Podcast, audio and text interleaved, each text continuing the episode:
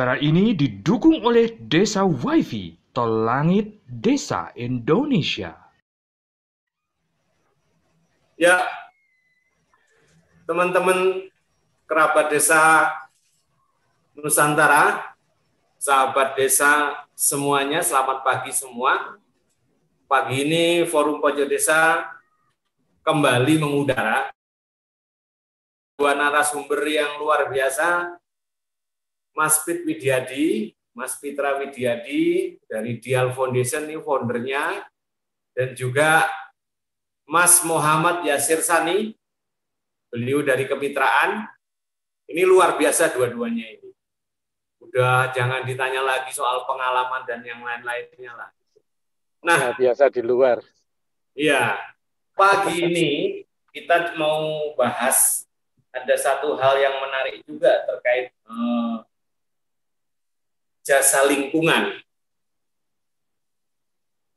Jasa lingkungan sebagai satu terobosan atau bidang bisnis juga yang bisa dikelola oleh badan usaha desa atau BUMDes gitu.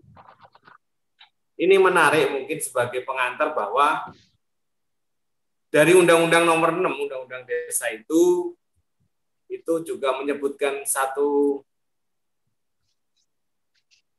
amanat bahwa pengelolaan sumber daya alam dan kelestarian lingkungan itu dapat dikembangkan lebih banyak menjadi sebuah hal yang menarik, apa yang artinya bahwa jadi satu basis untuk bidang usaha yang bisa dikelola oleh badan usaha desa.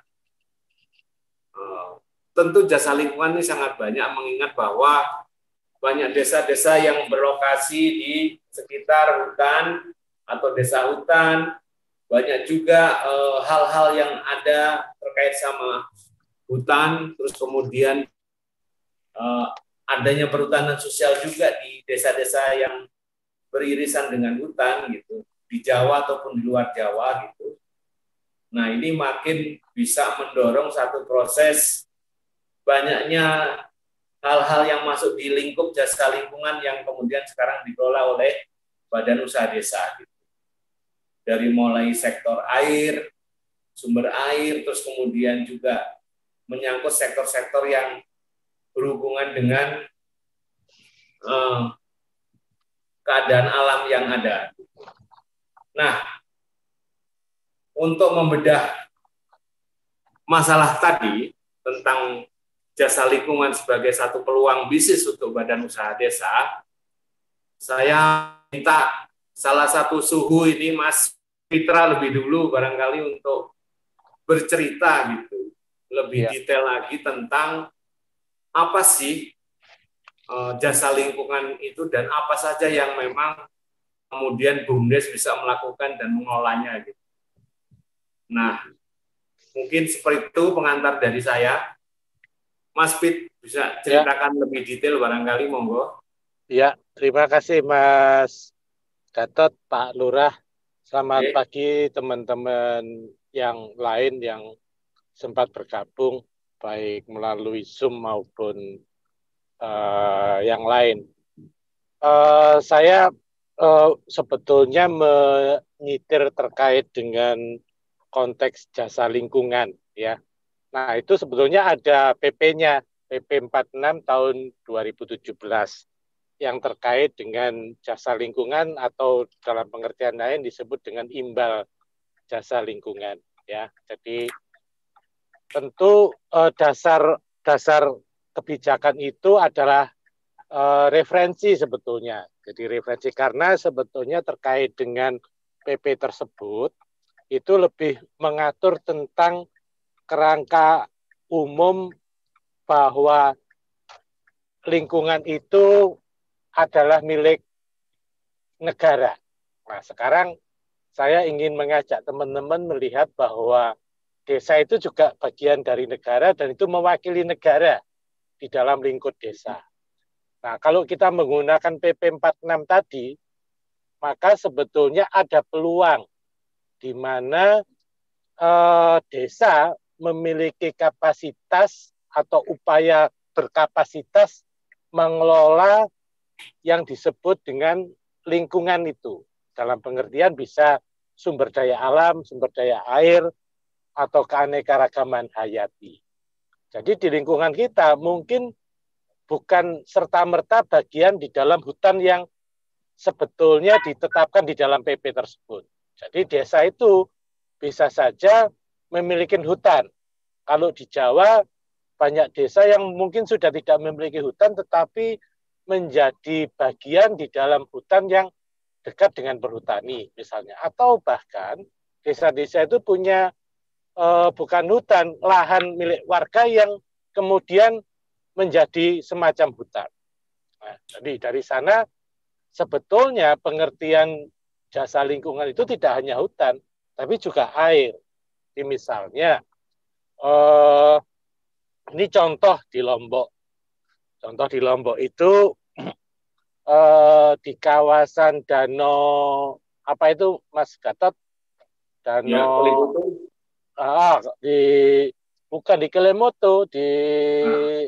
Rinjani. Rinjani. Ya, ya. nah itu uh, ternyata di, sorry lupa danonya di atas itu Segorana. ah Segoranaan atau di daerah kawasan itu kan uh, merupakan daerah tangkapan air dan ternyata itu menghidupin masyarakat di Mataram yang membutuhkan air.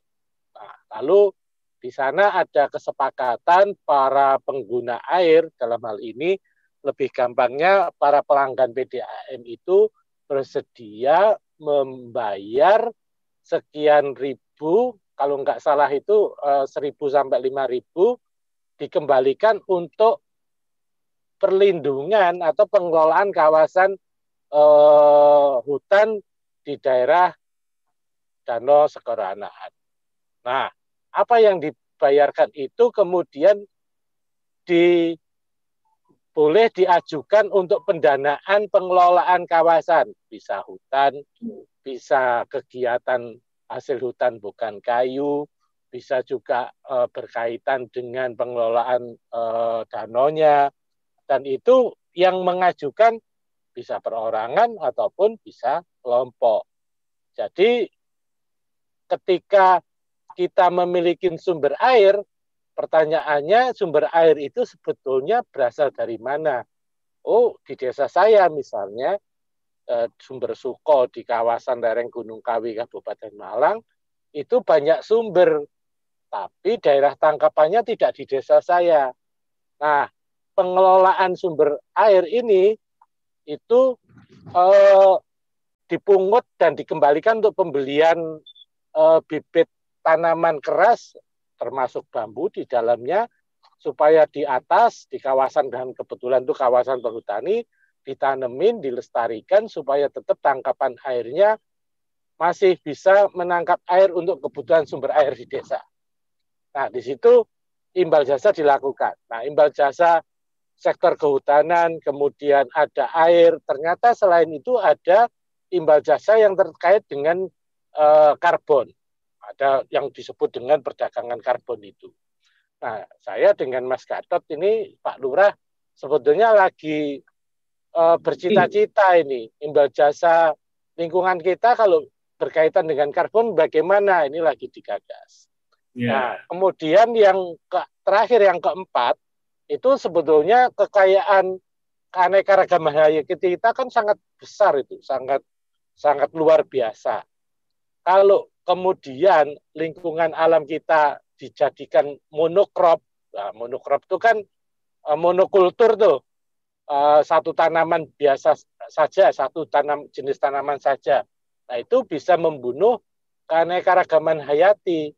Maka sebaiknya upaya-upaya uh, monokultur itu di dicoba dihindarkan dan kemudian dilakukan dengan multikultur sehingga uh, di sana keanekaragaman hayati bisa berkembang. Entah itu berupa bakteri, entah itu berupa jamur, ataupun serangga yang tidak bisa kasat mata dilihat.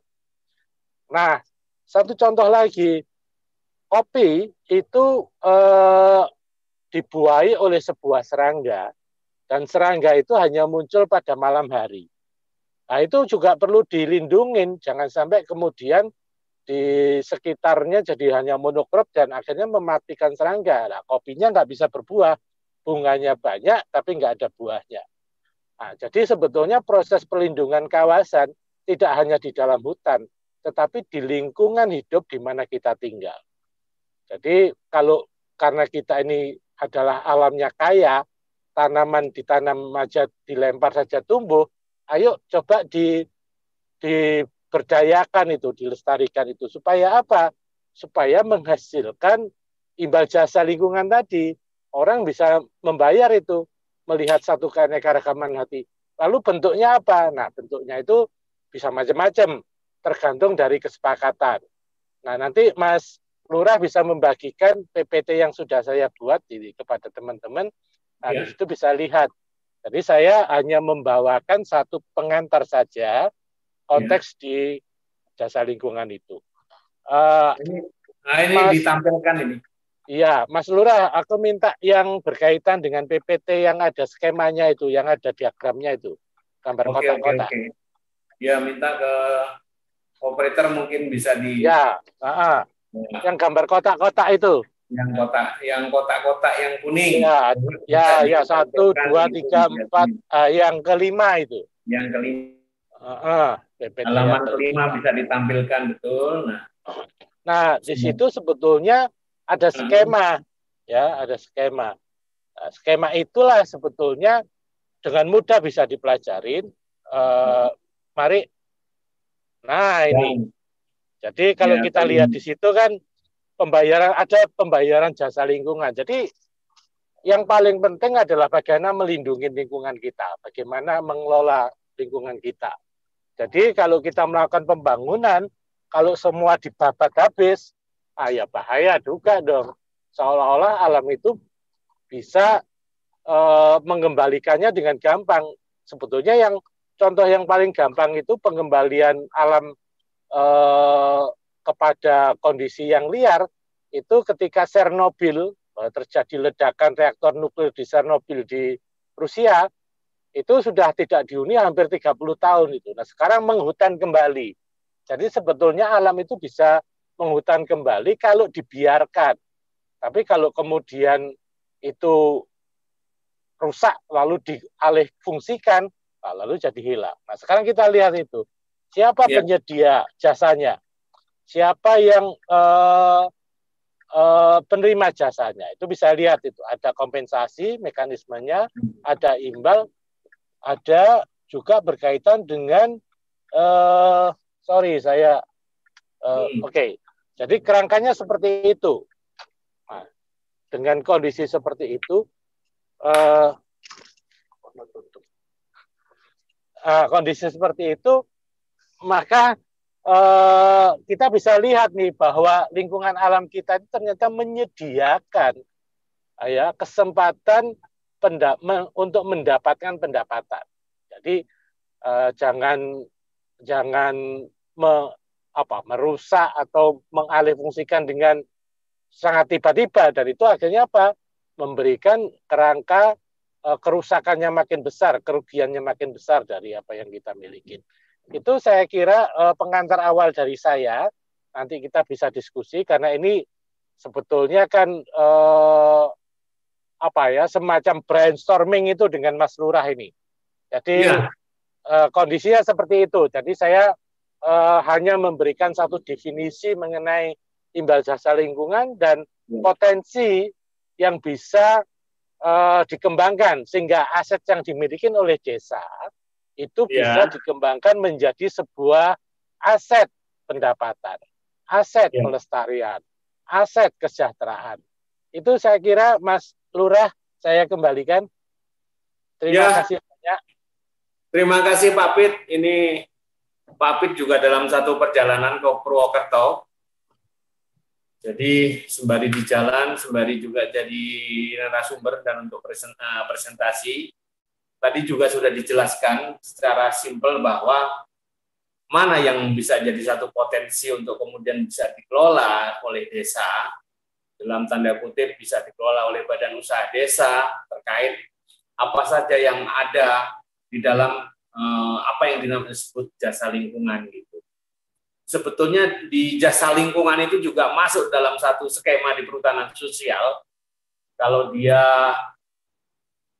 ada KUPS, KUPS itu salah satunya dia ada jasa lingkungan, ada wisata juga gitu, ada klaster-klaster atau kelompok usaha perhutanan sosial sendiri yang sudah diarahkan ke sana. Artinya ada, ada satu aspek juga yang sampai ke urusan karbon dan juga konservasi. Nah, tadi Mas Pit sudah menyinggung, walaupun tidak detail sekali tentang potensi-potensi yang bisa dikelola desa dalam satu lingkup jasa lingkungan. Nah, untuk yang lebih detailnya lagi, saya minta Mas Suhu Yasir Sani untuk bisa lebih detail lagi menguraikan. Saya pikir ini kemarin ada teman-teman yang di sekitar uh, Tulungagung langsung bilang, wah ada Mas Sani nih luar biasa gitu. Nah mudah-mudahan ini teman-teman juga semuanya bergabung untuk kemudian bisa uh, mendengar satu paparan dari Mas Yasir tentang apa sih yang paling implementatif, uh, implementatif yang nantinya bisa dikelola oleh desa terkait dari jasa lingkungan itu. Mas Yasir, monggo bisa dimulai gitu. Baik, terima kasih Pak Lurah, Mas Gatot, ya. uh, Bapak Ibu semua, selamat pagi, jelang siang, Assalamualaikum warahmatullahi wabarakatuh, salam sejahtera untuk kita semua. Baik, tadi Mas Pitra udah jelaskan walaupun dia kompornya itu sambil jalan tapi saya berusaha juga untuk mendalami juga apa itu yang kaitannya dengan jasa lingkungan. Jadi saya izin share screen juga di sini eh, biar untuk mempermudah kita untuk berdiskusi nantinya kaitannya seperti apa sih jasa lingkungan dan apa sih yang ingin kita capai dengan adanya BUMDes sebagai suatu entiti yang dengan adanya undang-undang Cipta Kerja itu masuk menjadi badan hukum yang tersendiri. Jadi saya mencoba untuk bicara konteks jasa lingkungan dan desa atau sebagai suatu green business atau bisnis hijau karena ini menjadi menarik karena Indonesia itu dari Sabang sampai Merauke walaupun mungkin tak ada yang wilayahnya tandus tapi tetap menjadi daya pikat sendiri kayak di Sumba itu walaupun tempatnya kering tapi sekarang ini menjadi pinggiran pantainya menjadi resort-resort yang harganya sangat mahal untuk dihuni oleh berbagai kalangan atas untuk menikmati alam yang ada di Indonesia. Nah, sebenarnya saya ingin mengstrukturkan kenapa isu ini muncul. Ini muncul tahun 92 ketika paradigma pembangunan tentang pembangunan berkelanjutan di mana orang sudah mulai khawatir, banyak pihak mulai khawatir bagaimana nasib bumi ini setelah sekian ratus tahun ke depan ini menjadi pertanyaan ataupun kalau kita bermimpi 100 tahun Indonesia itu besok desa wajahnya kayak apa. Nah, ini yang kemudian menjadi dorongan bagaimana kondisi alam yang ada di desa ataupun di Indonesia itu tidak berubah jauh lah dengan alam yang ada saat ini ataupun lebih baik lagi. Ini yang menjadi tantangan banyak pihak yang mendorong bagaimana paradigma pembangunan berkelanjutan itu muncul. Nah, ini yang menjadi cikal bakal ketika berbicara konteksnya kaitannya dengan jasa lingkungan karena bicara lingkungan berarti banyak hal yang ada di situ.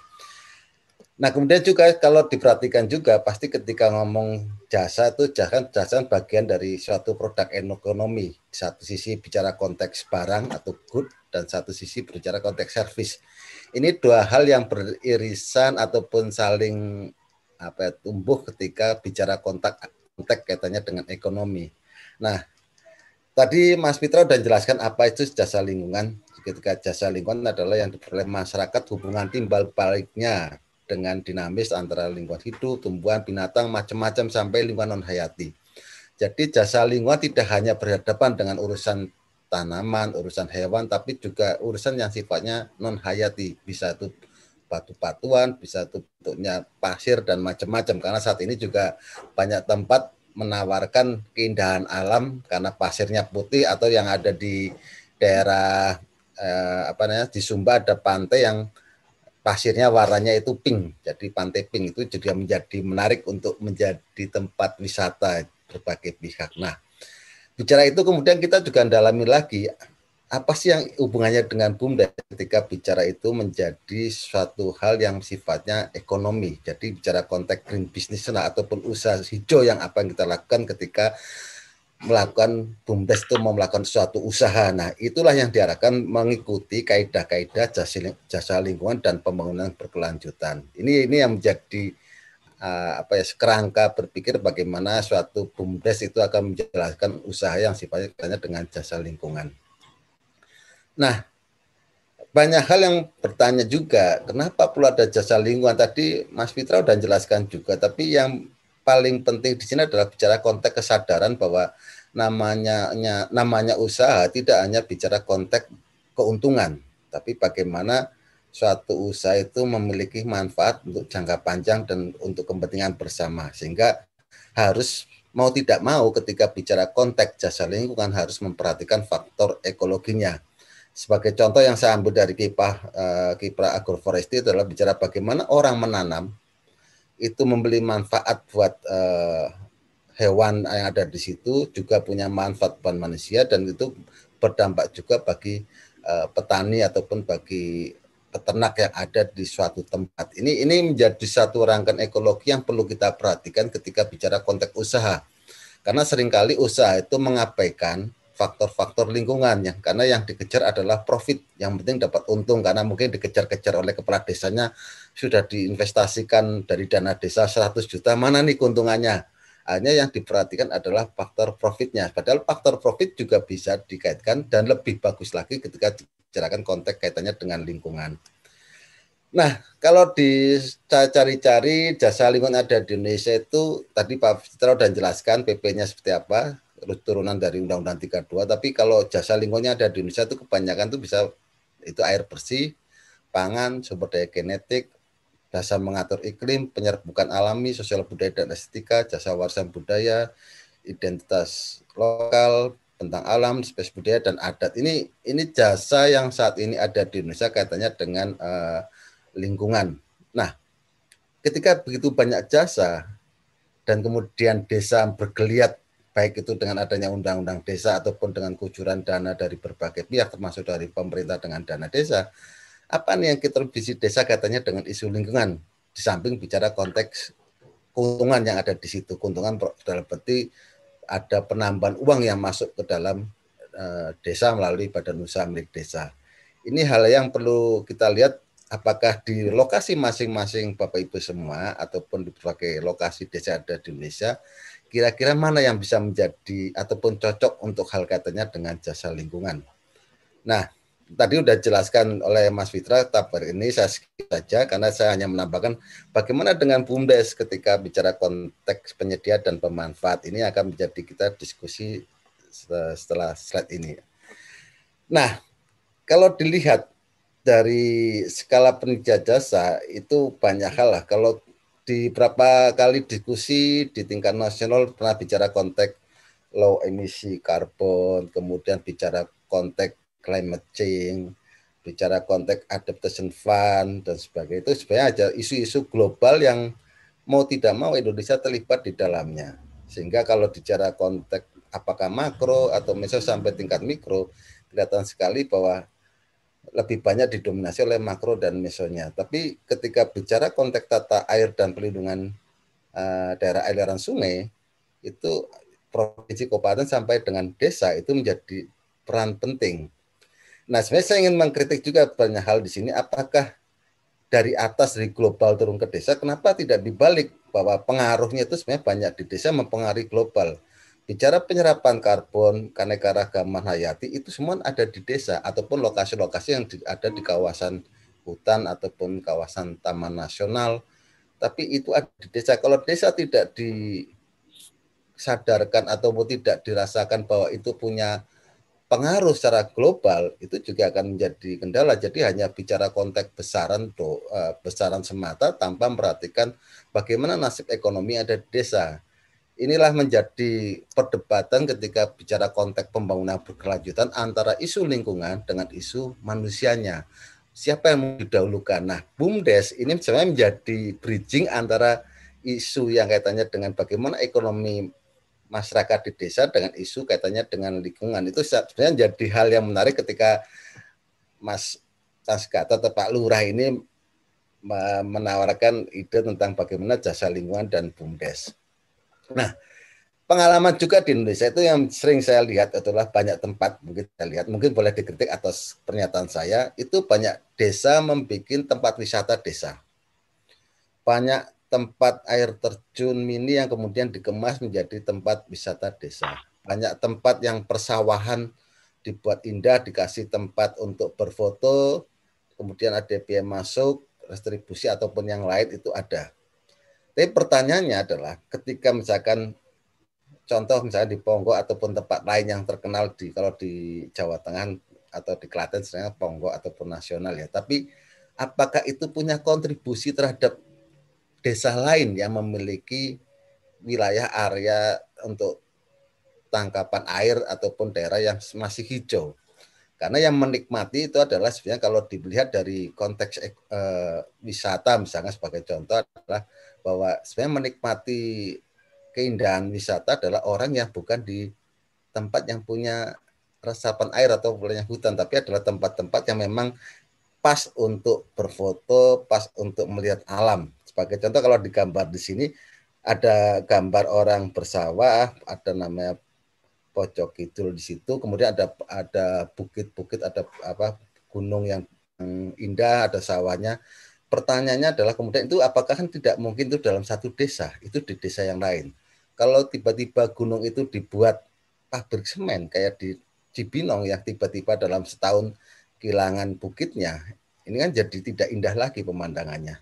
Nah, supply atas apa yang dilakukan di tingkat hulu terhadap hilir itulah menjadi penting sekali kita bicara konteks uh, jasa lingkungan. Jangan sampai desa itu kemudian memperkuat desa sendiri mendapatkan kapital untuk desanya sendiri lupa untuk membantu daerah lain yang saat ini menjadi penopang urusan kaitannya dengan lingkungan ataupun air ataupun uh, kaitannya dengan untuk pemandangan untuk wisata itu itu menurut saya menjadi sangat penting sekali. Jadi bicara gotong royong, bicara bersa kebersamaan itu hanya di dalam desa, tapi bagaimana desa yang saat ini mungkin mendapat hadiah karena wisata alam yang bagus itu berkontribusi terhadap desa-desa lain agar menjaga wilayahnya sehingga tidak terkena uh, kerusakan lingkungan sehingga wisata yang ada di desa yang saat ini ada tidak rusak karena desa yang saat ini tidak wisatanya itu rusak Eh, dari si alamnya. Ini yang menjadikan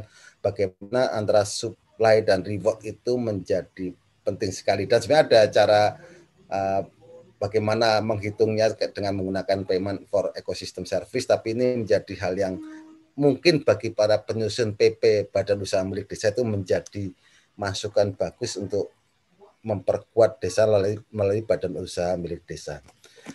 Nah, ini yang kemudian juga saya lihat Pak banyak faktor di desa yang mungkin melihatnya itu kebanyakan dari media bahwa desa-desa di Jawa wisatanya indah-indah, desa di luar Jawa kok susah karena infrastruktur dan macam-macam. Saya berapa kali ketemu desa yang ada di pinggiran uh, apa namanya di pegunungan pinggiran perbatasan antar kabupaten itu berharap mereka menjadi tempat wisata, tapi secara infrastruktur tidak mendukung itu, tapi mereka masih berupaya bagaimana desanya menjadi tempat wisata. Nah, saat ini sebenarnya tren yang wisata ada adalah wisata alam. Bagaimana kemudian BUMDes itu bisa mengemas bagaimana usaha itu yang menjadi satu jasa lingkungan itu punya dampak tidak hanya secara ekonomi tapi juga ekologi maupun sosial budaya karena sering kali kalau kita lihat di TV orang makan di uh, restoran dengan orang makan di dapur itu saat ini menjadi tren orang masuk masuk ke dapur untuk makan di situ Nah, nilai budaya itu juga dikemas menjadi suatu bagaimana sih sisi masyarakat dalam sisi budaya untuk di dapur itu ketika memasak, makan itu menjadi suatu hal yang bisa memiliki daya nilai ataupun memiliki suatu keunggulan ekonomi ketika itu di menjadi bahan untuk kemudian di menjadi profit untuk desa itu sendiri ataupun untuk menjadi market yang dikemas dengan bagus. Nah, hal-hal ini yang harusnya mulai diperhatikan bahwa desa-desa pasti memiliki uh, karakteristik ataupun tipologi yang berbeda-beda. Mungkin ada yang sama, tapi ketika ada perbedaan itulah yang harusnya ditonjolkan menjadi suatu keunggulan buat desa itu, desa maupun desa-desa yang lainnya.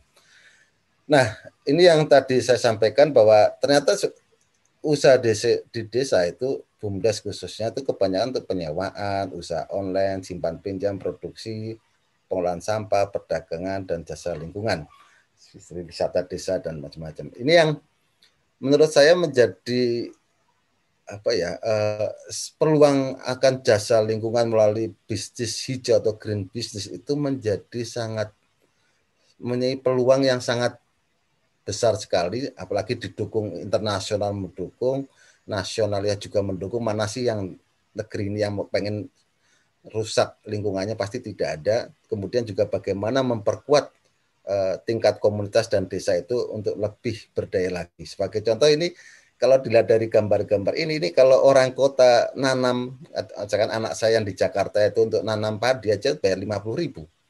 Nah, bisnis-bisnis seperti inilah yang kemudian dikemas bagaimana generasi muda mulai mengenal lingkungannya, ada kegiatan outbound, jelas karang tarunanya ataupun pemudanya bisa diaktifkan. Saya punya contoh teman-teman di desa di Jagaraksa di Kasepuan Karang Kabupaten Lebak ketika mendapatkan hutan adat, mereka kemudian mengemas anak mudanya untuk mulai mimpinya mereka tadinya untuk tempat camping, kemudian tempat campingnya mulai berubah lagi, artinya produksi untuk kopi nongkrong macam-macam yang itu semuanya menggerakkan anak muda dan menurut saya mengemas isu jasa lingkungan juga harus melihat juga bagaimana sih uh, keinginan masyarakat di desa itu sendiri untuk lebih maju lagi. Nah, tinggal sentuhan-sentuhan karena dengan bagaimana mengelola suatu bisnis tapi juga memperhatikan isu lingkungan itu menjadi sangat penting karena jangan sampai tempat wisata itu disampaikan bahwa itu ramah lingkungan, tapi ternyata sampah plastik bertebaran ke mana-mana. Ini yang menjadikan keperhatian kalau bicara konteks bagaimana jasa lingkungan itu mulai diperhatikan. Nah, apa yang harus dilakukan dengan ini semua? Pertama bahwa isu lingkungan itu selalu berhubungan dengan kawasan desa atau perdesaan. Jadi tidak mungkin isu lingkungan dilakukan oleh desa sendiri tanpa melibatkan desa-desa yang lain. Desa boleh melakukan itu sendiri, tapi dia akan tergantung dengan kondisi lingkungan di desa yang lain. Nah, ini faktor-faktor seperti ini yang harusnya kalau di Undang-Undang Desa ada kerjasama antar desa, ini harusnya mulai dibangun kembali bagaimana kawasan itu ada kerjasama yang sifatnya konkret bicara konteks memper, uh, menjaga lingkungan dan memanfaatkan lingkungan dengan baik. Kemudian juga kalau BUMDes yang sudah ada ataupun apa namanya uh, lembaga yang di bawah BUMDes ya bikin CV atau PT koperasi saat ini kan banyak kan seperti itu sebelum ada undang-undang cipta kerja. Harus mengajukan izin usaha pemanfaatan jasa lingkungan. Karena apa? Dengan adanya izin ini akan kemudian memiliki uh, in, mendapatkan insentif ataupun mendapatkan reward katanya dengan ketika lembaga tersebut BUMDes itu melakukan usaha katanya dengan pemanfaatan jasa lingkungan. Ini harus ini penting sekali ketika bicara konteks izin. Kemudian juga mumpung ini lagi hangat-hangatnya membahas PP tentang BUMDes, ya advokasi kebijakan jasa lingkungan untuk badan usaha milik desa harus mulai dilakukan. Jangan sampai PP-nya itu kemudian tentang jasa lingkungan katanya dengan di BUMDes itu tidak muncul. Kemudian juga memperkuat isu lingkungan pada komoditi usaha ini yang menjadi konsen. Jangan sampai sering kali saya dikritik katanya tanamannya organik. Kenapa bungkusnya pakai plastik? Kenapa air apa namanya uh, gula aren ketika ngambil uh, airnya itu menggunakan ember bekas cat? Pertanyaan-pertanyaan itu bukan dari kalau orang biasa ah itu udah biasa, tapi bagi orang yang pemerhati isu lingkungan itu menjadi suatu hal yang sangat detail sampai kemudian tanya lo katanya ini air air niranya itu bagus kenapa ngambil airnya pakai bekas cat nah, kayak gitu itu yang sering menjadi pertanyaan dan harus kita hati-hati untuk bagaimana isu lingkungan itu menjadi sesuatu yang betul-betul kemasannya bagus. Kemudian juga melihat rangkaian dari lingkungan yang akan menjadi usaha. Nah melihat rangkaian dari lingkungan adalah misalkan air terjun untuk jadi tempat wisata, itu harus diperhatikan di atasnya itu apakah masih milik desa ataukah ada desa lain. Kalau milik desa, berarti desa itu harus menjaga dengan baik tanah-tanah yang ada sepanjang aliran dari mata air turun ke air terjun itu untuk tetap menjadi daerah resapan. Nah ini pemetaan seperti ini menjadi menjadi penting sekali ketika melakukan usaha atau misalkan usahanya itu adalah wisata pantai melihat dari si pantai. Nah berarti jalan menuju pantai itu seperti apa. Nah rangkaian usaha siapa yang diuntungkan, siapa yang dapat kerugian, kalau kerugian eh, mendapat manfaatnya dari mana itu yang harus dilihat situ. Kemudian yang saat ini menjadi perhatian juga katanya dengan memperkuat kapasitas manajemen untuk sensitif terhadap isu lingkungan ini yang sering kali kita lupa dan sering kali juga saya sendiri kadang-kadang ketika ketemu para aktivis lingkungan itu sangat apa istilahnya kalau saya nyebutnya sangat ideologis mulai dari tidak menggunakan sam apa tas kresek, tas plastik, tidak menggunakan sedotan plastik, selalu bawa air minum pakai apa tumbler sendiri. Menurut saya itu menjadi ciri khas bahwa kita mulai Eh, memperhatikan lingkungan tidak sekedar hanya jargon tapi juga mulai dari perilaku individu-individu untuk mulai dia terbiasa untuk menjaga lingkungannya entah itu dari sampah yang banyak ataupun kaitannya dengan bagaimana kita memanfaatkan uh, teknologi misalkan uh, kendaraan dan dan mungkin juga memanfaatkan uh, jasa transportasi publik yang ada di masing-masing daerah. Kemudian juga menjalin kerjasama antar desa. Ini yang tadi saya sampaikan kerjasama antar desa yang ada di undang-undang desa itu saat ini mandek karena tidak tahu apa yang akan dikerjasamakan. Berkali-kali saya sampaikan, kalau mau kerjasama, apa nih yang mau dikerjasamakan dan harus jelas. Apa sih uh, take and give-nya, apa sih manfaat buat masing-masing desa, dan apa sih manfaat dari uh, antar desa ketika melakukan kerjasama. Nah ini yang menjadi dorongan kita ketika isu lingkungan diangkat. Nah, terus yang terakhir tadi disampaikan juga sebelum acara adanya insentif bagi BUMDes yang menjaga lingkungan termasuk di lainnya pengelolaan usaha yang ramah lingkungan. Nah, ini banyak sebenarnya banyak kita tidak bisa lagi mengandalkan dana desa untuk insentif, tapi bagaimana CSR ataupun dari perusahaan ataupun dari lembaga-lembaga LSM dan sebagainya ataupun dari donor ataupun dari program-program untuk memberikan insentif bagi badan usaha desa yang, yang menjaga lingkungan. Ini, ini menjadi penting jangan sampai BUMDes itu sudah mati-matian untuk menjaga lingkungannya menggunakan berbagai aturan yang ramah terhadap lingkungan tapi tidak ada insentif ataupun reward terhadap mereka. Ini akan menjadi apa istilahnya ya rasa dihargai untuk melakukan perjuangan ini menjadi lama-lama menjadi biasa dan kembali habit manusia kemudian hilang lagi, kemudian kembalilah perilaku-perilaku lama yang yang sering kali merusak lingkungan ataupun alam. Jadi menurut saya mengideologikan isu lingkungan itu saat ini menjadi penting karena mengideologikan itu berarti antara konsep, teori dan tindakannya itu sama. Jangan sampai konsep dan teorinya sudah ada tapi tindakannya tidak sesuai dengan konsep dan teori tersebut. Ini ini menjadi hal penting dalam eh, sesi pagi jelang siang ini Mas Gatot. Saya, saya demikian terima kasih dan mereka wassalamualaikum warahmatullahi wabarakatuh. Waalaikumsalam warahmatullahi wabarakatuh. Uh, terima kasih Mas Sani, ini paparannya luar biasa. Ini mendalam sekali, tapi satu hal yang bisa teman-teman garis bawahi bahwa uh, jasa lingkungan itu menumbuhkan satu proses kerjasama antar desa. Paling tidak seperti itulah. Sebagai contoh bahwa orang yang menikmati air di mana, tapi tangkapan airnya ada di mana, seperti juga yang tadi diungkap sama Mas Fit, gitu. Artinya persoalan-persoalan konservasinya dan yang lainnya juga harus dipikirkan, dan bisa menumbuhkan satu proses kerjasama antar desa yang baik. Termasuk juga nanti apa pun itu yang terkait sama desa, wisata alam atau wisata yang dikelola desa, ataupun sumber mata air, air bawah tanah, gua, dan yang lain-lain, air terjun, semuanya mungkin punya potensi bahwa itu nggak cuma satu desa, tapi itu kerjasama antar desa. Nah, Mas Sani ada sedikit yang mungkin juga bisa dipaparkan sedikit aja. Ini ada barang baru menyangkut soal siklus karbon gitu ini penekanan juga supaya teman-teman tahu juga bahwa itu juga harus diperhatikan gitu loh. Nah, sedikit coba Mas tentang uh, terkait sama masalah karbon tadi. Ya, jadi untuk karbon itu sebenarnya ada hitung-hitungan secara matematik ya, dan saya cuma uh, berapa kali ngikutin rumus-rumus apa. Tapi bagi orang di desa ataupun kita yang orang awam itu saya mudah saja ketika bicara konteks karbon adalah kan itu bicara konteks tutupan ya, tutupan dari ya. tumbuhan yang ada. Kalau misalkan uh, misalkan di Sumba ya, itu kan yang jarang tumbuhannya.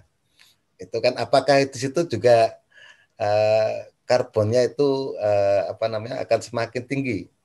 Nah kalau di Sumba kendaraannya juga sedikit sampai sekarang itu orang masuk ke desa-desa jumlahnya masih naik kuda, ya pasti pengaruh emisi karbon itu akan belum begitu besar. Tapi kalau kemudian hmm. Jalannya dibuat aspal halus, kemudian orang di dikasih untuk kredit tanpa DP dengan murah biaya, kemudian orang bergeser dari naik kuda menjadi naik motor atau naik mobil, sementara tumbuhan sebagai uh, tempat untuk uh, mengambil CO2 itu tidak ada ya. Lama-lama pasti akan menjadi salah satu daerah yang menyumbang emisi karbon yang uh, besar untuk Indonesia. Nah, hal-hal ini sebenarnya menjadi siklus suatu lingkungan termasuk di Jakarta. Kenapa saat ini Jakarta juga mulai giat dengan uh, taman kota ya?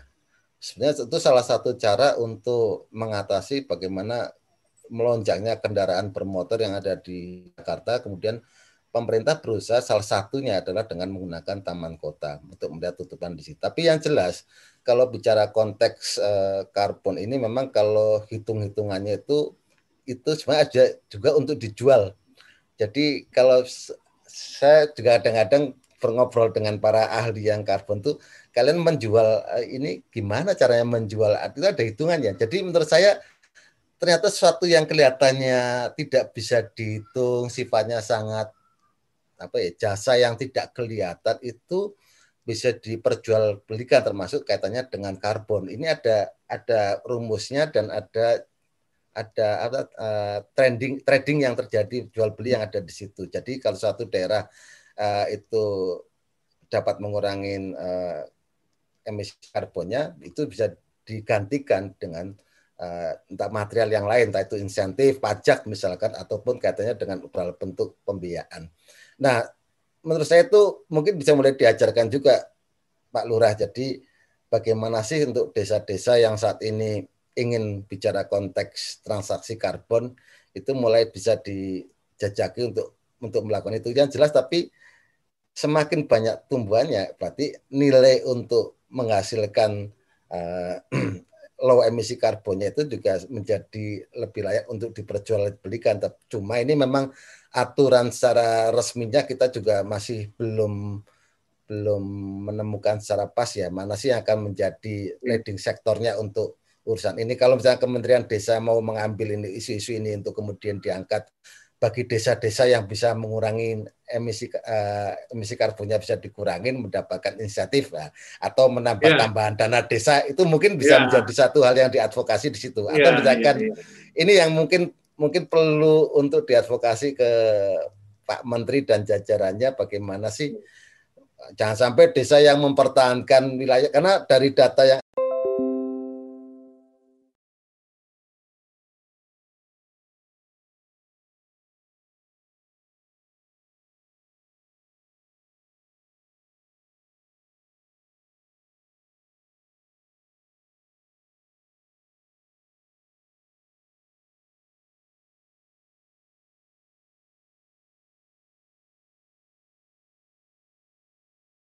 keuangan misalnya sama basisnya.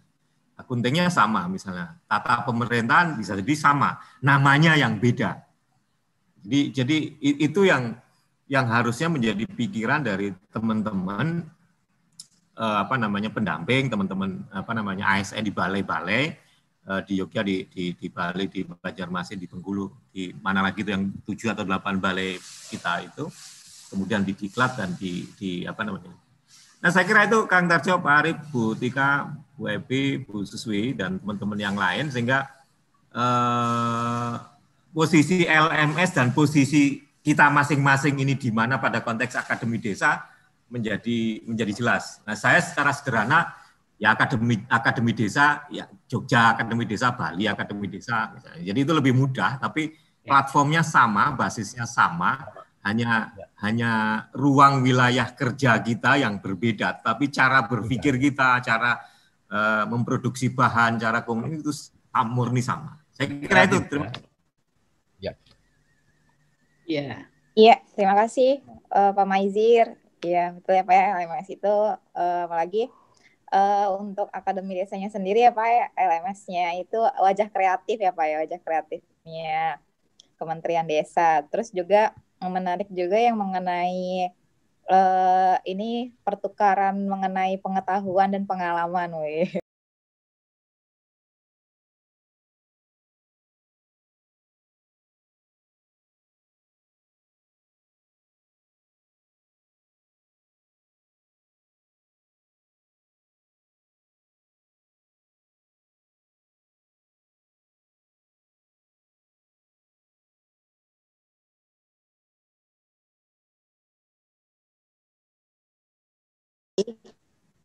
Ini sedikit, sharing aja. Ini ini kan kementerian ya. Yang seru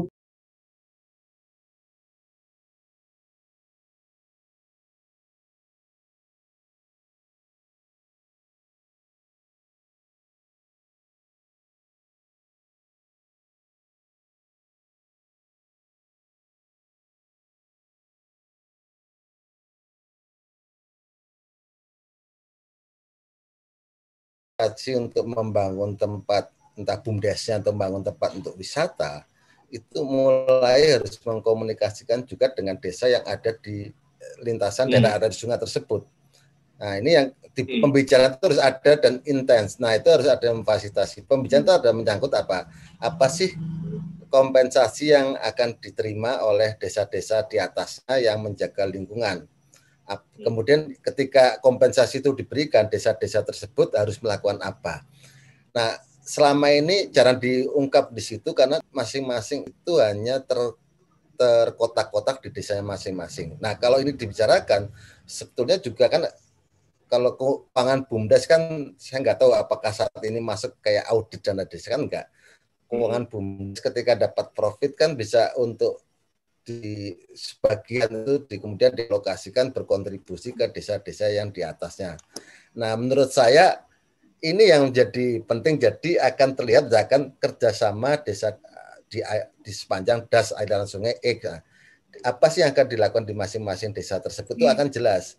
Misalkan menjaga tempat uh, aliran sungai itu bukan untuk tempat buang sampah, untuk untuk apa namanya BAB macam-macam itu disiapkan di situ bagi desa yang ada tempat-tempat wisatanya dan mendapat keuntungan dari air yang bersih, tidak ada sampah macam-macam, itu berkontribusi kepada desa-desa yang tidak memiliki tempat wisata. Itu juga harus dilakukan di situ. Kemudian kalau desa-desanya ramai saat ini, kalau di Pokerto itu semua desa bikin kolam renang.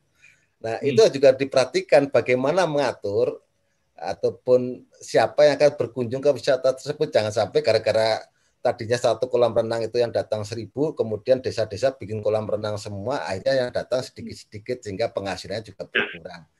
Nah inilah ya. yang kemudian harus dibicarakan. Nah ini memang alot saya dengarkan sendiri di Banyumas itu, itu masing-masing desa ketika melihat desa ada kolam renangnya dan sukses banyak pengunjung pengunjung yang datang setiap satu minggu, itu desa lain pengen juga bikin kolam renang. Nah Hmm. Harusnya tidak seperti itu, tapi kan namanya orang melihat keuntungan pasti bicara pasti ingin ingin seperti yeah. desa yang maju.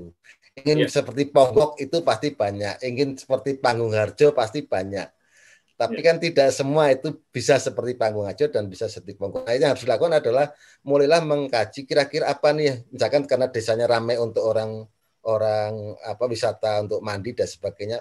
Tinggal antar desa ini desa saya punya makanan nih kontribusi ke situ untuk boleh orang desa lain untuk datang ke situ ya. untuk berjualan. Nah, sebenarnya komunikasi antar desa inilah yang menjadi penting ketika kerjasama itu dibangun. Jangan sampai kerjasama itu tidak tahu apa yang akan dikerjasamakan. Selama ini ketika dulu di PNPM itu banyak dibuat BKAD, tapi kemudian BKAD-nya ngerucut hanya untuk urusan dana di UBK, tapi lama-lama ya. kemudian ya karena yang memfasilitasi tidak ada, akhirnya ambiar semuanya. Nah, saya rasa membangun kerjasama antar desa itu adalah dari masing-masing desa sendiri untuk kemudian saling berdiskusi. Siapa yang membantu memfasilitasi diskusinya? Sebenarnya di sini ada Mas Pitra nih ahlinya nih. Mas Pitra yang bisa jelas bagaimana si senior satu ini untuk bisa ya. pengalamannya lebih banyak memfasilitasi desa lain gitu, yang dia punya potensi wisata besar gitu. Nah proses kerja sama antar desa ini konon katanya juga sudah dilakukan gitu. Ini malah katanya ada bumdes sebuah desa, bumdesnya ini yang lola wisata itu kemudian memberikan satu CSR terhadap desa yang uh, di sampingnya di atasnya yang dia menanam banyak menanam kembali banyak pohon gitu untuk menangkap air di sana gitu. Nah mungkin Pak Joko, Pak Joko Pugu kalau bisa mendengar, ya. Ya. Oh, oh pakai Ya. Nah, Mas Joko bisa ini ya, kalau dengar saya Mas Joko.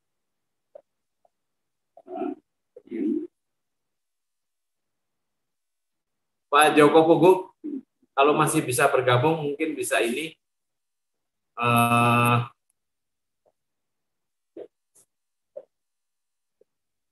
tadi beliau dada-dada tapi kemudian menghilang kembali gitu. Uh, Mas Borni barangkali ada yang mau didiskusikan dan ditanyakan Mas Borni. Monggo. Mas Gatot. Baik, uh, Mas ya. Gatot, ya, Pak Lurah dan Mas Yasir Sani. Uh, kayak Pak Joko masuk tuh. Ya sedikit lah. Mas Gatot. Ma tadi Mas Ya, ya Pak Joko. Ya. Ya, ya Pak ya, Joko. Mas Joko aja, dan Mas Joko dulu. Ya, ya. Gatot. Iya, Pak Joko. Ya. ya. Lanjut, Mas lanjut. Yasir. Salam kenal Mas.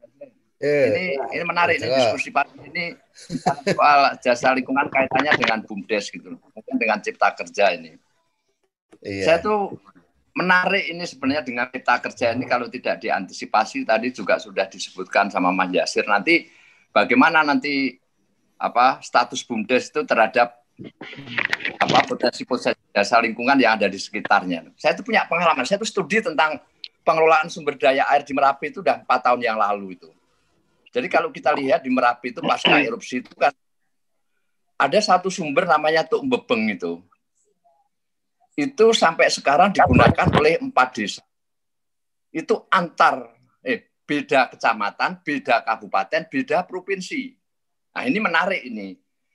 Itu saya telusuri ternyata ringkas cerita sebenarnya itu dulu dibangun tidak selesai itu dengan mungkin Mas Yasir kenal dengan Yayasan Dian Desa Mas Santon Sujarwo dulu bagaimana mengembangkan Tuk Bebeng itu bagi kemaslahatan umat tanpa memikir itu dulu statusnya di mana itu TN apa bukan Anton Sujarwo tidak berpikir soal itu artinya di situlah dibangun. Prinsipnya Anton hanya begini.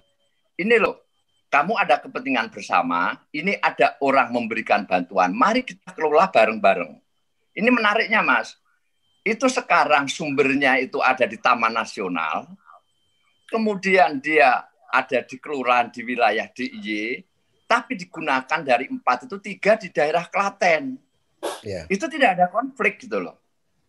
Nah, artinya mereka secara itu kalau sejarahnya dulu kok bisa itu sampai melempar ke daerah dari DIY ke Klaten itu saya pikir itu satu setelah saya pelajari cuma karena adanya kebijakan seorang pemimpin lokal waktu itu gitu loh karena teman-teman kekurangan air, oke okay lah kita bagi. Akhirnya Anton Sujarwo itu kalau lihat instalasinya, Mas, itu tidak mungkin dibangun untuk sekarang ini. Bagaimana seorang Anton Sujarwo menginisiasi mengembangkan Tuk Bebeng digunakan untuk empat desa. Cilakanya setelah ditetapkan Taman Nasional itu, wilayah itu dimasukkan ke dalam TN, saya bilang, apa? Kamu membayar kompensasi terhadap Merapi itu apa? Apa jawabnya? Bagaimana saya membayar kompensasi terhadap alam rapi? Kalau mau masuk TN aja susahnya sudah minta ampun gitu loh. Iya. Artinya apa? Artinya kan sebenarnya masyarakat di sekitar Taman Nasional atau Taman Kawasan Konservasi itu kan menjadi benteng terakhir kan. Itu teorinya sebenarnya. Iya. Tapi ternyata apa? Menginjak pun tidak berani gitu loh. Nah persoalannya kalau kita lihat di permennya itu itu kan sangat teknokratis, Mas. Mungkin siapa kalau saya ya nggak mampu untuk mendampingi bagaimana menyusun perencanaan pemanfaatan air, jaringan insti, apa instalasinya. Nah, ini loh tantangan-tantangan seperti ini antara penerima manfaat dan penyedia jasa lingkungan dan pengelola jasa lingkungan ini mumpung masih suasana baru ini harus kita tarikan untuk solusinya. Itu menarik di di Bepeng itu. Apakah misalkan begini, apakah nanti suatu saat mereka dipaksa untuk ditutup untuk Bepeng itu oleh pihak Taman Nasional karena dia tidak mempunyai izin? Bisa ya. jadi perang bubat itu nanti seperti itu loh. Apalagi sekarang di daerah Klaten itu sudah mereka dikembangkan secara pamsimas. Kalau masyarakat mau sebagai penerima manfaat itu membaik terhadap baik pengelola lingkungan, pengelola jasa lingkungan maupun lingkungannya merapi dengan melakukan konservasi. Tapi untuk masuk ke kawasan konservasi kalau memilih terhadap perbaikan lingkungan kan tanamannya juga harus tanaman endemik. Ya. Nah, ini ini persoalan ini memang ini ini tidak hanya di di apa di di Merapi mungkin di beberapa taman nasional itu sikap dari pengelola kawasan konservasi itu, mbok iya oh, menjadikan satu kawasan di sekitar kawasan Merapi sebagai eh, kawasan-kawasan konservasi sebagai penerima manfaat itu sebagai benteng terakhir gitu loh. Dengan dana desa mereka mampu sebenarnya. Tapi bagaimana mereka membayar jasa terhadap bersodakoh kepada alam di atasnya kalau mereka sangat restriktif. Nah, contoh itu. Ada lagi taman sama itu dengan dengan saya mengembangkan wisata di Bali Rantai memanfaatkan se, sedikit kawasan taman nasional. Konsepnya adalah ekowisata. Bagaimana satu kawasan wisata itu sebagai kawasan mitigasi bencana, sebagai karya konservasi, kemudian sebagai bagian dari pengembangan ekonomi lokal. Tapi itu susahnya minta ampun, Mas. Jadi ini mumpung mumpung undang-undang cipta kerja ini penyederhanaan berbagai macam regulasi, memang teman-teman di Kemendesa harus siap ini untuk memfasilitasi itu. Kalau soal teknokratis menerjemahkan undang-undang kaitannya dengan pemanfaatan jasa lingkungan, berat Mas. Perangkat desa berat untuk melakukan itu tanpa adanya satu fasilitasi pendampingan dari teman-teman yang lain. Saya pikir itu Mas Gatot. Sementara Mas Gatot. Ya, ya Mas Pak Joko Pugul, terima kasih banyak. Mas Yasir, Pak Joko itu sudah berapa tahun dia ngurusi kali talang Bali Rantai di Merapi sana di arah Klaten dan di area tersebut juga ada satu konservasi selain taman nasional yang tangkapan airnya tuh masuk ke Ponggok Klaten gitu. Jadi nah, ini, memang, ini menarik Mas. Saya cerita ya. cerita sebentar Mas, nambahin ya, ya. Mas Gatot. Nah, dulu Ponggok Ponggok itu sudah menawarkan sebenarnya keberadaan sumber mata air saya itu tergantung dari daerah catchment area di atas. Pak Joko, apa yang bisa saya lakukan? Waktu itu ada di atas itu ada desa, ada dua desa sebenarnya. Balirante, Sidorjo, kemudian Tegal Mulyo. Oke lah, kita yang kaitannya dengan ekonomi yang paling mudah dan sudah adaptif masyarakat itu dengan kopi. Persoalannya, Mas, kesiapan desa untuk bagaimana menerima CSR-nya Ponggok itu itu juga nggak semudah untuk membalik tangan menyiapkan SDA. Yeah, itu. Yeah. Bagaimana mereka yang sekarang itu bergerak di bidang pasir, yang itu sehari bisa dapat 400 ribu, kemudian beralih untuk tanaman kopi yang itu empat tahun kemudian. itu itu menarik juga yeah. sebenarnya itu. Iya iya iya. iya betul ya, betul. Iya iya. Iya Pak Joko, ini menarik kan uh, Mas Yasir. Jadi apa satu potret yang ada di sana gitu. Ya bahwa kerjasama antar desa pun juga butuh satu proses, butuh waktu juga. Sekalipun memang ada satu eh, pemikiran yang lebih cepat mungkin dari arah Pongo dia untuk memberikan satu proses CSR ke atas, tapi kemudian di atas juga butuh waktu juga gitu untuk penyesuaian. Kemudian juga dari sisi masyarakatnya. Uh, Mas Borni mau menambahkan Mas Borni, tadi setelah Pak Joko, Mas Borni mau menambahkan, nanti saya juga mau minta tanggapan dari teman-teman yang dari perhutani yang ikut bergabung. Mas Borni, monggo. Ya, siap. Baik, ya. uh, terima kasih Pak Lurah. Uh, teman-teman sekalian, saya ingin hanya sedikit bertanya aja terkait dengan tadi menarik tuh apa usulan ideologisasi apa psychological ideologization lah ya. Bagaimana mengideologisasi masyarakat uh, terhadap atas isu-isu lingkungan ya. Uh, sebenarnya pilihan ideologi seperti apa yang pas untuk desa? Karena faktanya secara kalau kita apa fit, uh, flashback sebentar itu terkait dengan bagaimana introduksi pengetahuan mempengaruhi mempengaruhi perilaku kebijakan dan perilaku tindakan manusia di Indonesia tidak uh, sejak zaman apa kolonial dulu memperkenalkan yang namanya pengawetan diskursus pengawetan alam ya. Kemudian masa masuk ke Orde Baru menawarkan konservasi alam yang nyatanya eh, fakta sosial menunjukkan bahwa manusia kemudian tereksklusi dari lingkungan tempat tinggalnya apalagi kemudian ketika eh, misalnya diperlakukannya Undang-Undang 4199 tentang hutan ya bahkan kemudian uh, manusia di mana uh, desa di mana manusia ada di dalamnya kemudian tereksklusi ya. Artinya kemudian pendekatan ini me, apa menafikan menafikan manusia sebagai bagian dari makhluk hidup yang satu kesatuan satu satu ekosistem satu uh, ekosistem alam. Memang kemudian ketika orde baru eh, orde baru berganti kemudian diganti dengan uh, reformasi menawarkan diskursus baru yang disebut konservasi keanekaragaman hayati di mana manusia sudah mulai kemudian diperjuangkan uh, tidak lagi tereksklusi dari dari alam. Nah, saya kira ini uh, ternyata kemudian kan me, apa menghasilkan usaha yang cukup berat karena selama Orde Baru kemudian ditambah tadi masa kolonial sebelum 1980 misalnya itu menjadi perjuangan berat untuk uh, merubah uh, merubah uh, tata pikir kita bagaimana mengintegrasikan manusia dalam tata kelola tata kelola alam ya entah itu dengan pendekatan ekowisata atau pendekatan-pendekatan yang lainnya yang sekarang sedang jamak diterkenalkan melalui uh, badan usaha milik desa misalnya tadi.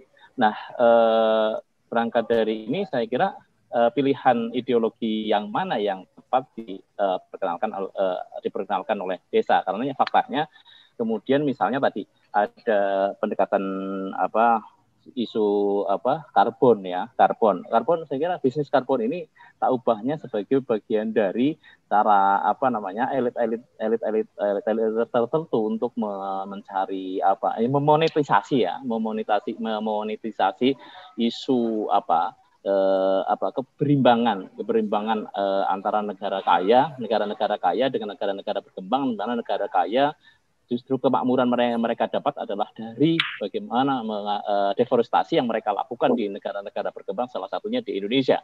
Misalnya praktek yang sangat jamak yang kita lihat eh, tadi sudah disinggung oleh Pak Joko salah satunya adalah eh, taman nasional kemudian adanya apa taman-taman konservasi di yang saya pernah saya temui misalnya di Jambi, kemudian di Musi Banyuasin itu eh, pelakunya adalah adalah perusahaan yang tadi secara ideologi eh, madhabnya madhab konservasisme konservasisme ya yang kemudian mengeksklusi manusia gitu.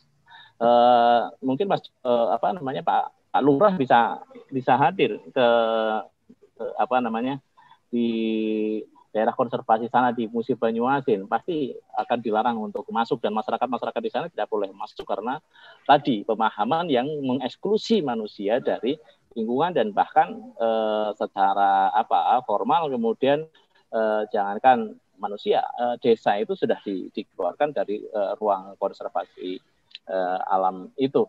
Nah, mungkin itu saya garis bawahi e, pertanyaan saya mungkin pada Mas Sani dan mungkin teman-teman bisa membantu Eh, kira-kira ideologi lingkungan seperti apa yang tepat. Karena uh, di fakta lain juga misalnya banyak juga kemudian bumdes yang di Gresik misalnya di Gresik atau mungkin di Jogja ya yang kemudian mereka oke okay, berhasil memonetisasi bisa memberikan nilai tambah memberikan nilai jual terhadap bekas-bekas tambang yang sudah begitu apa ekstrim di diambil apa namanya uh, nilai-nilai kemakmurannya nilai-nilai uh, eh, keanekaragaman hayatinya yang kemudian tersisa apa namanya ceruk-ceruk tambang yang eh, sebenarnya sudah apa namanya sudah meninggalkan eh, apa ya eh, apa kerugian yang sangat besar. Tapi memang uh, kemudian dengan kreativitas bumdes bumdes ini memberikan penampakan pencitraan bahwa apa namanya Eh, kegiatan tambang kegiatan tambang sekali, uh, sekalipun dilakukan dengan ekstrim gitu sebenarnya tidak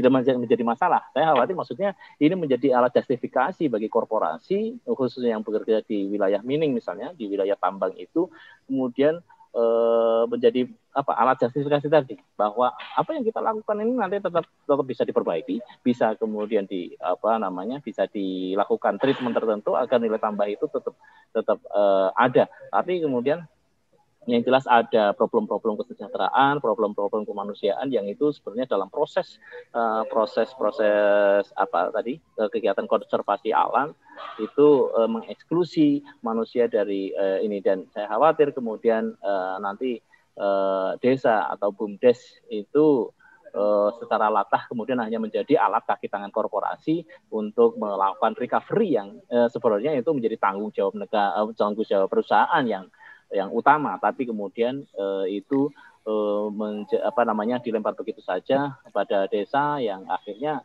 uh, korporasi lagi-lagi mendapatkan keuntungan yang yang besar dari dari kegiatan uh, apa mining yang mereka lakukan. Saya kira itu Pak Pak Lurah dari saya. Ya. Terima kasih. Iya Mas Borni. Terima kasih banyak Mas Borni ini panjang lebar tapi ini yang paling mendasar kan persoalan ideologi bahwa jasa lingkungan sebagai satu ideologi yang kurang lebih itu yang ditanyakan ke Mas Jasir. Nah, mungkin Mas Jasir atau Mas Pit mau menjawab. Siapa dulu silakan. Monggo Mas. Halo. Oh, bukan Mas Fitra dulu ya? Mas Fitra dulu. Kami dulu.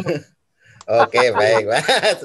Uh, saya satu-satu tadi ya dari tadi Pak Joko itu tentang Taman Nasional itu ya. Itu memang apa namanya kalau bicara konteks negeri ini kan dibagi-bagi, dibelah-belah sesuai dengan kekuasaan masing-masing sehingga kalau bicara utuh itu agak susah ketika bicara konteks teknokrasi yang memang dari atas ya, ketika atas top down ke bawah tanpa memperhatikan kondisi di bawah itu terjadi termasuk juga banyak daerah di Taman Nasional mengalami kondisi tersebut. Nah, ini yang memang kalau di permen memang ada fasilitator yang tersertifikasi untuk melakukan bagaimana jasa lingkungan itu dilakukan. Nah, sampai saat ini saya belum tahu apakah para fasilitator itu sudah terjun ke lapangan atau belum untuk membantu desa-desa ataupun membantu komunitas ketika menyusun uh, usaha, usaha jasa lingkungan.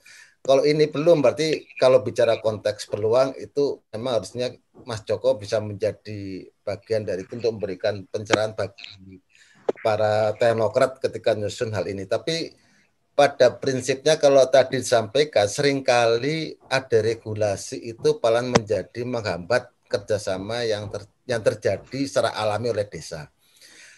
Karena apa? Seringkali ketika membaca teks yang ada di regulasi itu kemudian sklek jadinya.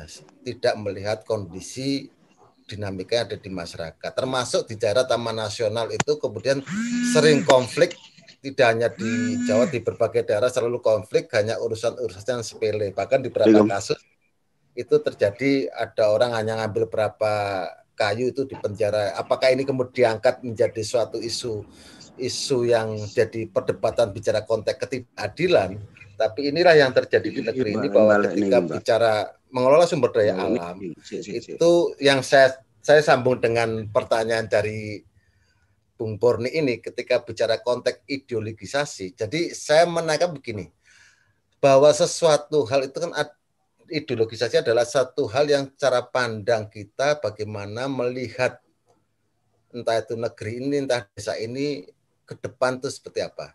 Jadi ada suatu jalan penuntun bagaimana isu lingkungan itu menjadi hal penting bicara konteks Indonesia tidak hanya lima tahun 10 tahun, tapi Indonesia seribu tahun itu akan jadi seperti apa. Nah, konteks hal inilah yang kemudian saya sampaikan bahwa banyak konsep dari Barat jelas masalah isu pembangunan di Indonesia tidak lepas dari developmentalisme yang bergulat di dunia-dunia antara dunia maju berkembang dan dunia tertinggal, tapi pergulatan itu sampai ke Indonesia ketika teori, teori ketika paradigma pembangunan berkelanjutan itu masuk, kemudian turun-turunannya adalah masuk juga katanya isu lingkungan. Nah, apa yang kita lakukan? Memang saat ini tadi disampaikan di Banyuasin ada yang perusahaan melakukan tindakan seperti itu di daerah konservasi. Nah, yang menjadi di masalah di negeri ini adalah semua itu sering mengklaim atas nama isu lingkungan. Semua tidak bicara konteks hubungan yang tadi disampaikan oleh Bung Purni, hubungan antara manusia dengan alam atau dengan lingkungannya. Nah, hubungan ini kemudian tidak pernah diperhatikan apakah dengan lingkungannya yang penuh dengan hutan warganya bisa tersenyum, ataukah warganya tersenyum bahagia tapi lingkungannya rusak, atau dua-duanya tersenyum karena hutannya lebat, warganya bahagia. Nah, orang pasti akan memilih bagaimana warga yang ada di daerah konservasi ataupun di daerah taman nasional ataupun yang daerah sekitar hutan itu tersenyum dan area alamnya juga terjaga. Pengennya pasti seperti itu, posisi itu. Nah, menjalankan inilah yang perlu apa namanya istilahnya mengideologas mengideologiskan bagaimana lingkungan itu bisa bisa klop antara manusia dengan alam.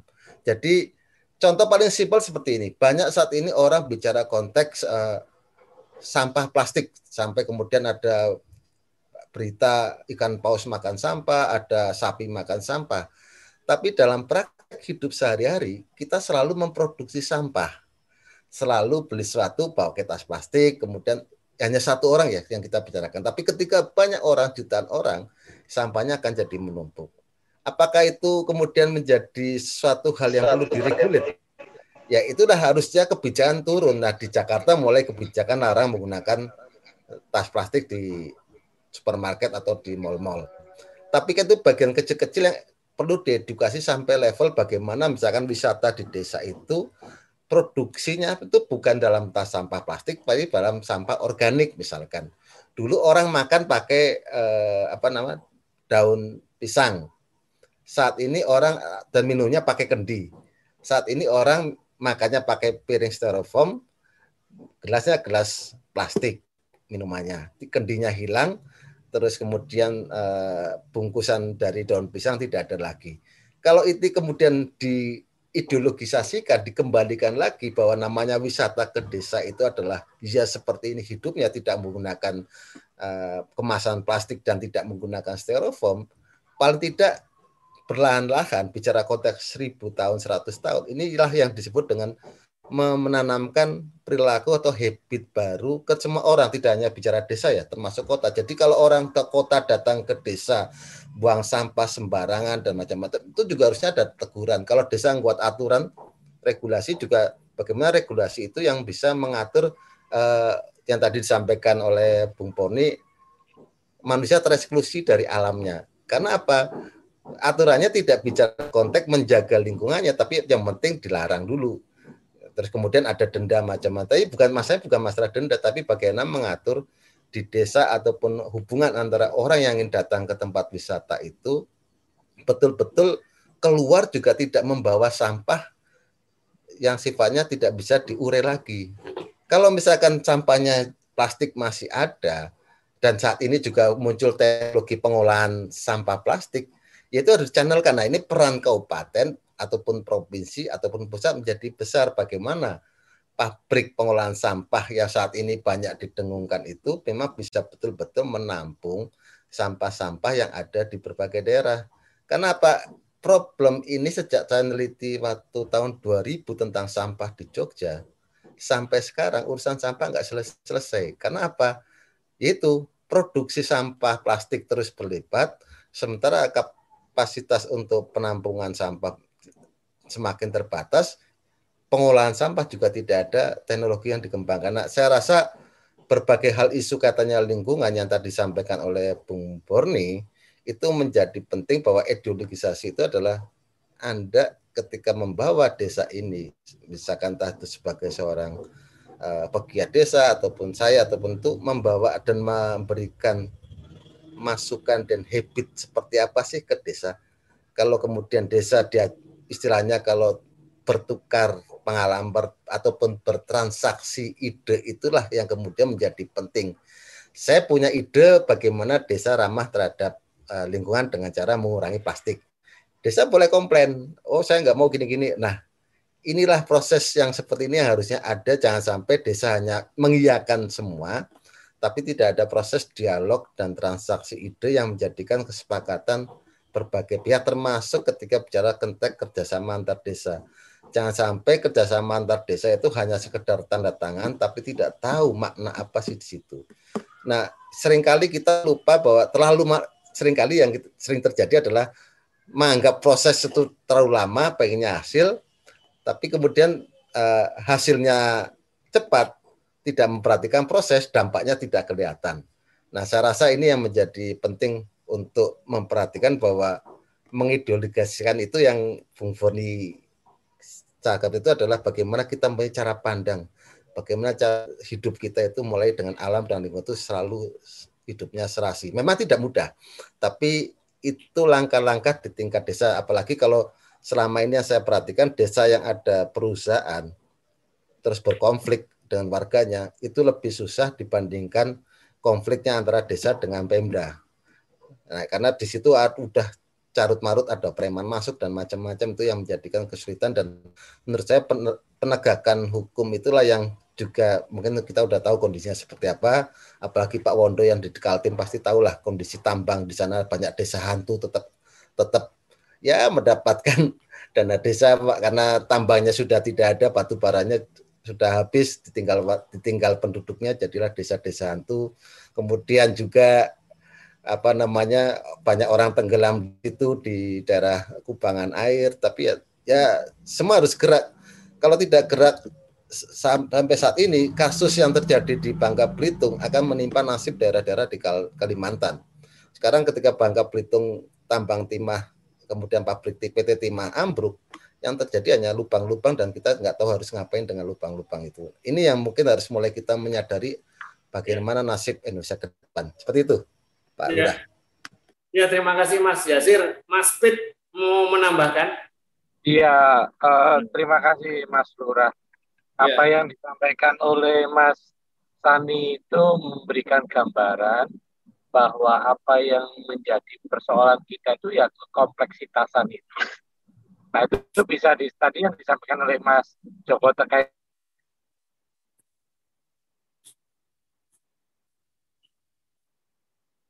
Hmm. Suaranya hilang ya Mas Peter ini. Iya. Ya Mas Pit mungkin masuk terowongan hijau sebelum sampai Purwokerto gitu. Sinyalnya agak hilang gitu. Nah, ini saya juga mau pesan ke teman-teman. Nah, Mas Pit lanjut. Ya. Nah, ya. jadi desa sendiri harus mampu melakukan pengkajian terhadap aset yang dimiliki, pengkajian terhadap kapasitas yang dimiliki, supaya eh, konteks konflik antar sektoral atau kepentingan antar sektoral itu diselesaikan di situ. Jadi kalau ada fasilitator PS, ada fasilitator desa, ada fasilitator kesehatan, ada fasilitator pariwisata. Nah, semua ada di desa. Nah, lalu desa itu jadi tempat uh, melempar proyek sebetulnya. Nah, itu desa harus juga mandiri. Karena rebutan milikin, tapi nggak bisa menggunakan dengan tepat, lalu jadi sebuah proses penyimpangan. Jadi saya kira penting uh, ketika kita melihat konteks yang disampaikan Mas Sani tadi, misalnya Contohnya desa itu tidak hanya konteks ekonomi loh yang dibangun, tapi juga konteks lingkungan dan itu memberikan dampak kepada kesejahteraan. Jadi selama ini pembangunanisme itu pada dasarnya malah tidak membangun, tapi merusak. Jadi kalau Mas, Mas Borni tadi menyampaikan tentang ideologisasi, nah mungkin yang paling penting adalah bagaimanakah kita bisa uh, berdamai dengan lingkungan kita. Jadi kalau kita melakukan sesuatu berkaitan dengan jasa lingkungan di desa kita, wah ini ada sumber, buatlah kolam renang yang gede-gede, tapi lupa bagaimana mengembalikannya. Nah, banyak kepentingan konteksnya, tapi yang paling banyak adalah kepentingan ekonomi. Sehingga konteks lingkungan menjadi tidak cukup bisa di ditempatkan pada porsi yang sebenarnya. Jadi itu ketambahan dari saya. Uh, saya kira apa yang disampaikan oleh Mas Tani cukup komprehensif. Saya kira itu. Terima kasih. Uh, tidak menambahkan lagi saya. Monggo ya. Pak Lurah. Ya, Mas Fit, terima kasih. Uh, teman-teman yang bergabung, mungkin nanti yang juga yang jadi penonton di YouTube yang mau mendapatkan bahan-bahan yang paparan dari Mas Sani dan Mas Fit mungkin nanti bisa uh, minta di chatnya atau kirim email di chat gitu nanti biar dikirimkan itu atau nanti teman-teman dari uh, operator bisa bantu nanti untuk memaparkan bahan-bahan yang ada dalam chat kita gitu. Nah, mungkin uh, kita pengen dengar lihat juga uh, teman-teman dari KPH atau dari perhutani yang mau memberikan satu masukan juga terkait sama jasa lingkungan. Seperti apa sih cara pandangnya? Terus kemudian juga kan ini juga beririsan juga karena ada ini saya lihat ada beberapa teman-teman dari KPH, dari Madiun juga, dia pasti beririsan juga dengan apa yang disebut perhutanan sosial, terus ada kemitraan, terus ada desa juga. Nah, siapa nih teman-teman yang mau memberikan satu tanggapan monggo dari teman-teman KPH yang ikut atau Pak Sumardi mau kasih tanggapan terkait jasa lingkungan bisa unmutnya dipencet unmutnya, terus kemudian juga dari Pak Suwondo mungkin mau menanggapi Pak Yasir, menambahkan gitu. Monggo. Ya, Pak Suwondo. Terima ya. kasih atas waktunya. Eh, terkait jasa lingkungan yang mungkin ada pulang potensi untuk pemberdayaan BUMDes yang dilakukan oleh Kang Yasir ini ya sangat sepakat sepak sekali. Yang menjadi pertanyaan bagi saya seperti ini loh terkait jasa lingkungan itu program-program dari kementerian terkait seperti proklim ya program kampung iklim itu kan juga ada. Kalau secara teori sih salah satu contoh di proklim itu ya, Pak. Sorry baru gabung. Ya. Lanjut ya. Ya seandainya one home one pohon ya satu pohon saja kalau dianggarkan dari DD untuk tanaman kelengkeng saja insya Allah nggak sampai lima tahun itu jadi kok progres tapi yang jadi tantangan bagi kami ya desa-desa di Kaltim itu tadi sampai disinggung kami juga ingin kami itu eh, tetap tapi ya itu samping-samping wilayah kami itu sudah tanam kami dari desa juga tidak punya uh, kemampuan untuk melarang warga untuk tidak menjual. Ya mungkin itulah menjadi tantangan kami di desa karena lingkungan itu sangat penting bagi kami. Mungkin itu sekedar tanggapan dari saya. Salam sehat buat semuanya. Terima kasih. Ya Pak Suwondo, terima kasih banyak. Ini Pak Suwondo nih kalau sama Mas Yasir udah sering ketemu, jadi udah. jadi ada pernah ada pasti ada satu diskusi yang ini. eh, teman-teman yang lain yang ingin bertanya dan memberikan tanggapan silahkan langsung bisa dinyalakan atau dipencet utmutnya segala macam. Ini ada banyak teman-teman yang bergabung ini. Kita mau dengar juga. Ini yang si perhutan itu pengen pengen dengar gitu teman-teman di sana. Monggo Pak. Dari siapa nih? Silahkan.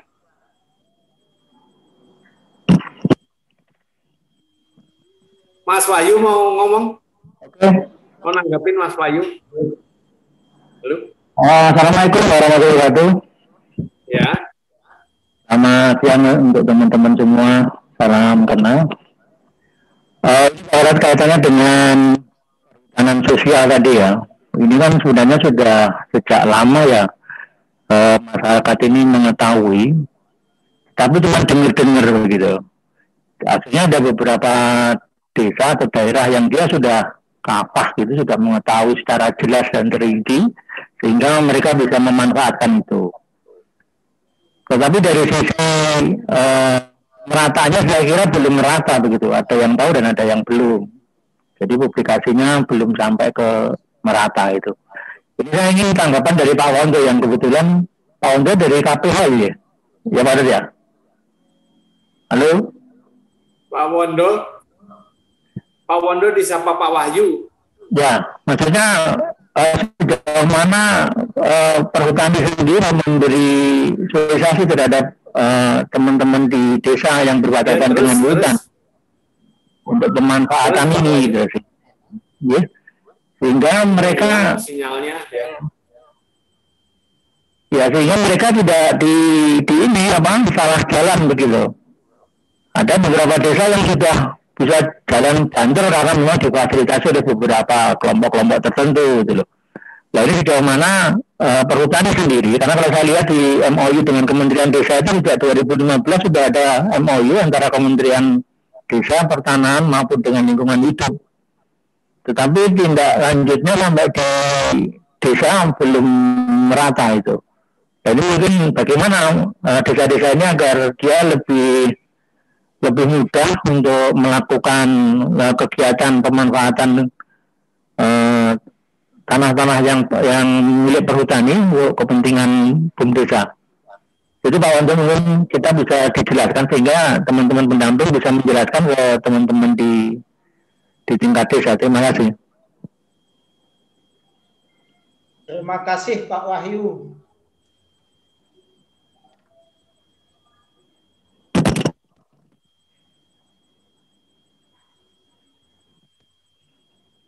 Putus. Cek.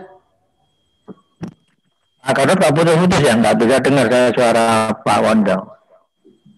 Cek satu dua, jelas Pak Wahyu.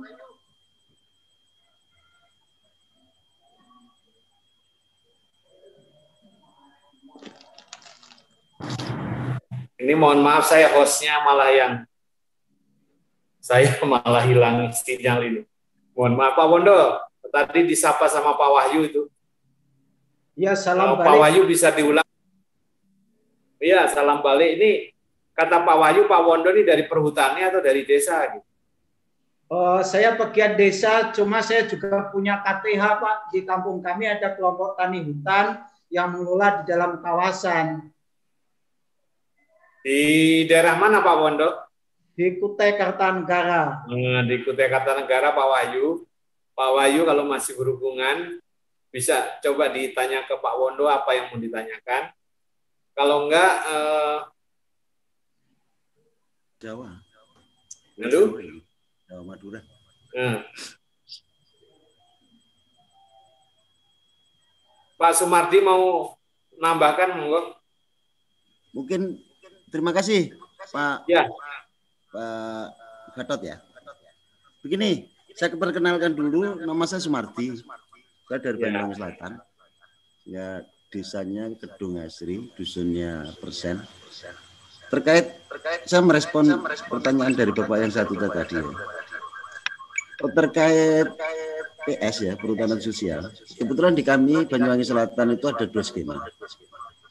Nah, yang satu BPS, yang satunya itu kulin kakak untuk IPPS itu mengacu ke peraturan Menteri 39 2017 yang Kulin KK itu mengacu peraturan Menteri 83 2016. Untuk kami sudah melangkah di KPP Banyuwangi kebetulan kami pendamping pendamping TPM Perhutani KPP Selatan. Ya walaupun belum sempurna tapi dari 26 eh, KTH, KPS ya. KPS itu terdiri dari LMDH, KTH, Gapok Tanhut, Wana Wisata. Itu yang sudah memegang izin kemitraan itu sebanyak 14. Yang selebihnya sudah mengajukan. tinggal menunggu SK dari kementerian. Nah, ini yang perlu kami sampaikan dengan adanya jasa lingkungan. Ini kebetulan di kami itu ada Teluk Pangpang. Iya. Pangpang untuk di gedung Asri itu luasannya 390 sekian 99 99 hektar itu di Teluk Pangpang dan itu hmm. wilayahnya berhimpitan dengan desa Kedung Asri nah, kelola itu KPH Banyuwangi Selatan PKPH Plambangan RPH Kedung luasan itu nah sementara ini masuk di kuling kakaknya KTH Sejati Kedung Asri. Hmm. Terus teman-teman inisiatif ya kepedulian itu ada KEE. Itu kawasan esensi ekonomi Teluk Pangpang itu. Nah, ini harapan besar Pak bagi kami ada ya. Uh, Pak Mardi sebentar Pak Mardi. Ye. Pak Mardi sebentar. Monggo. Pak, itu salah satu bisa dimatikan nggak? Mungkin Bapak dua dua kamera ya? Iya, nah, iya. Jadi biar nggak berdengung, ya, biar nggak berdengung. Oke, kita matikan dulu yang satu. Nah, coba Oke. di ini antisipasi ya, kalau yang ya, satunya ya. rusak. Clear. Oke. Iya, tapi eh, suaranya jadi berdengung, jadi kurang bisa bisa didengar gitu. Nah, Nah, oke okay, Pak Mardi, coba Terima kasih, sekarang lanjutkan. agak jelas Sehingga ya. Di ya. kami itu ada nah, dua. Bisa sedikit diulang bisa sedikit diulang biar narasumber uh, bisa mendengar lebih gamblang gitu tentang persoalan terkait uh, jasa lingkungan anu ya juga perhutanan sosial. Spesifik ya. lagi aja, spesifik lagi aja ya. Sehingga di kami ya. ada di desa saja biar nggak meluas ke Banyuwangi Selatan. Oh, di ya. desa kami ada dua, satu kap yang bekerja sama bermitra dengan perhutani terkait PS ini. Kebetulan dua kelompok ini, dua KPS ini dua skema, sehingga skemanya berbeda. Yang satu IPAPS dengan luasan 30 hektar, itu KPS-nya Gapok Tandut Desa Kedung Asri. Nah, ya. selebihnya pangkuan kami ada lagi KTH Sejati, itu dengan skema ya. Kulin kakaknya di Kulin. Permen 83 itu, Permen KHK 53 itu, eh, 383 sehingga di dua kami di desa kami ada dua skema. Oh, spesifik lagi kebetulan ini kan jasa lingkungan ya. Jasa ya. lingkungan ya. otomatis wisata, mungkin sumber mata air dan seterusnya. Di kami itu memang ada potensi. Teluk Pangpang itu yang berimpitan dengan desa kami yang masuk pangkuan desa kami dan yang dikerjasamakan dengan kami itu seluas 399 sekian hektar. Spesifiknya masuk kelola KPH Banyuwangi Selatan, BKPH Blambangan, RPH Gedung Gebang. Itu masuk kulin KK KTH Sejati. Hmm. Lihat sampai di sini ya. Nah, ini harapan kami ketika ini ada ada keterlibatan BUMDes sehingga kepala desa kami antusias sekali. Kami selalu bekerja sama dengan kepala desa kami. Nah, selama ini bahkan sudah ada keterlibatan baik pemerintahan desa kami dengan KTA-KTA yang ada ini. Cuma kan di sini dalam kelola KEE juga kan, kawasan esensial Teluk Pangpang ini. Nah, harapan kami nantinya ke depannya ini saling mengisi saling mengisi baik dari KEE-nya Perhutani dengan mitranya Katia Sejati ini bisa saling mengisi.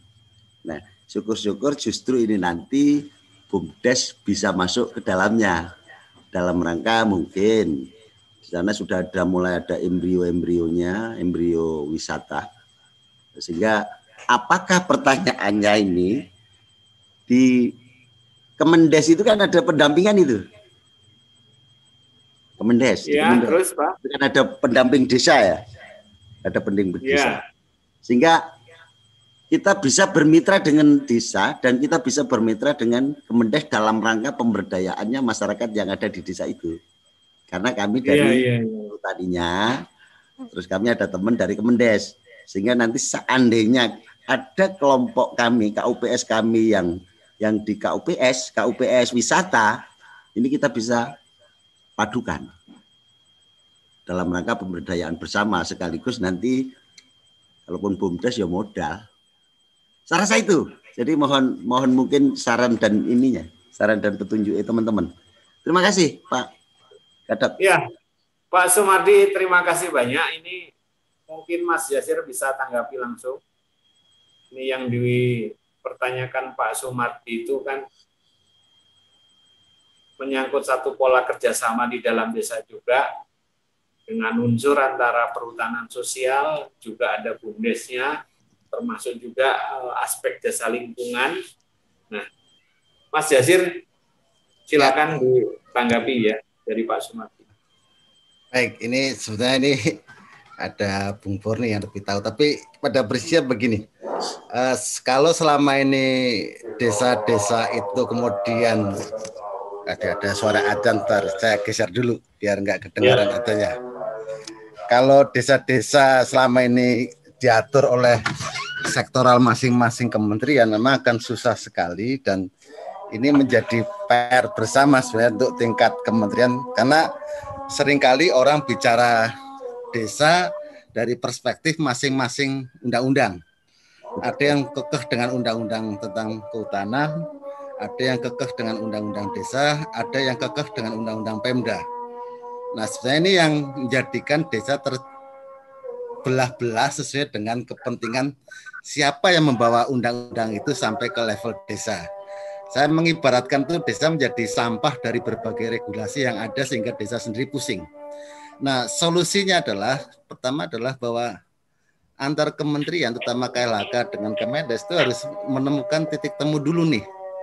Ya. Apa yang akan dilakukan oleh masing-masing kementerian untuk urusan desa dan lingkungan. Kalau ini tidak ketemu, pasti akan turun ke bawahnya masing-masing bersikukuh dengan dengan aturan mainnya sendiri-sendiri dan itu benar sesuai dengan aturan yang di yang diterapkan oleh masing-masing kementerian. Contoh, kalau misalkan kegiatan hanya uh, yang sifatnya ekonomi, misalkan nih kementerian nanti larinya ke badan usaha milik desa.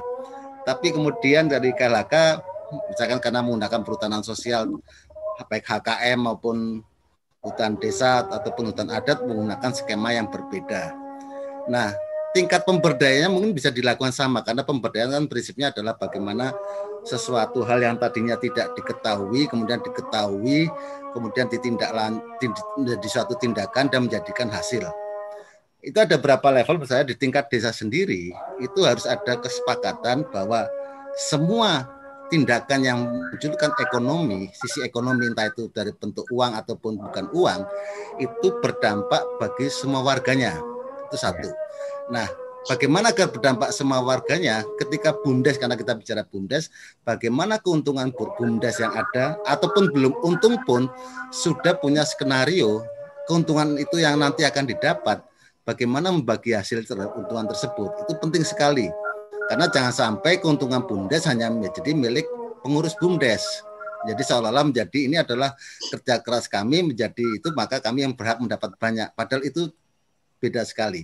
Kemudian yang kedua di level kabupaten ataupun provinsi. Ini ini karena kehutanan itu menjadi domainnya provinsi dan sangat jauh turun sampai ke level kabupaten bahkan sampai ke desa itu harus dibuatkan skema yang pas bagaimana ketika orang yang ada di daerah taman nasional, daerah hutan konservasi ataupun hutan yang menggunakan skema PS itu dalam proses pendampingannya itu seperti yang ada sekarang misalnya ada pendamping yang khusus kaitannya dengan PS kemudian ada pendamping dari pendamping desa. Pendamping yang dari urusan dan kehutanan pasti mempunyai skill ilmu banyak tentang bagaimana mendampingi uh, hutan agar menjadi lebih baik lagi. Sementara teman-teman pendamping desa pasti punya pengetahuan yang bagus kaitannya dengan administrasi keuangan desa, bagaimana memberdayakan desa sampai bagaimana sih etam-etam dana desa digunakan untuk pembangunan ataupun untuk kesejahteraan warga. Itu harus di bridging, dipertemukan karena kalau tidak bertemu itu yang bisa mempertemukan di level paling bawah itu hanya di tingkat kecamatan Nah saat ini kecamatan sendiri pun dianggap anak tiri karena tidak ada yang ngurusin. Ini yang kemudian harus ditarik lagi. Antar kementerian menurut saya harus ada sering dialog bagaimana mempertemukan regulasi turunan dari undang-undang tersebut, entah itu undang-undang desa turun ke PP, turun ke Permen atau Permendes ataupun undang-undang turun ke PP turun ke Permen KLHK itu ketemu.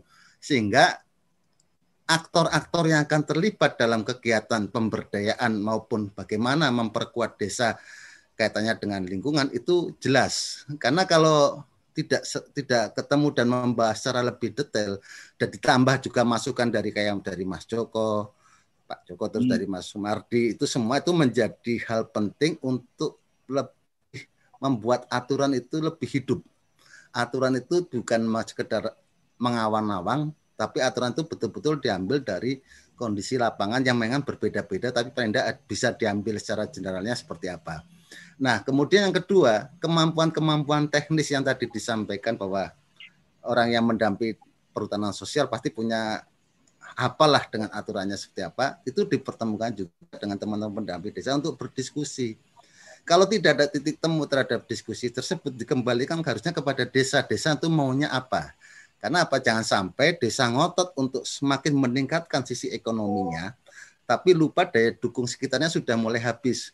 Misalkan desanya masih beranggapan bahwa ini air mata air ini bisa untuk menjadi tempat wisata yang begitu hebat, begitu panjang, tapi dia lupa bahwa kalau tidak dibenahi sektor hulunya, bagaimana aliran sungai atau mata air itu terjaga, itu juga akan mati juga. Nah, daya dukung dan juga daya eh, apa namanya ekonomi itu memang harus dilihat juga bersamaan.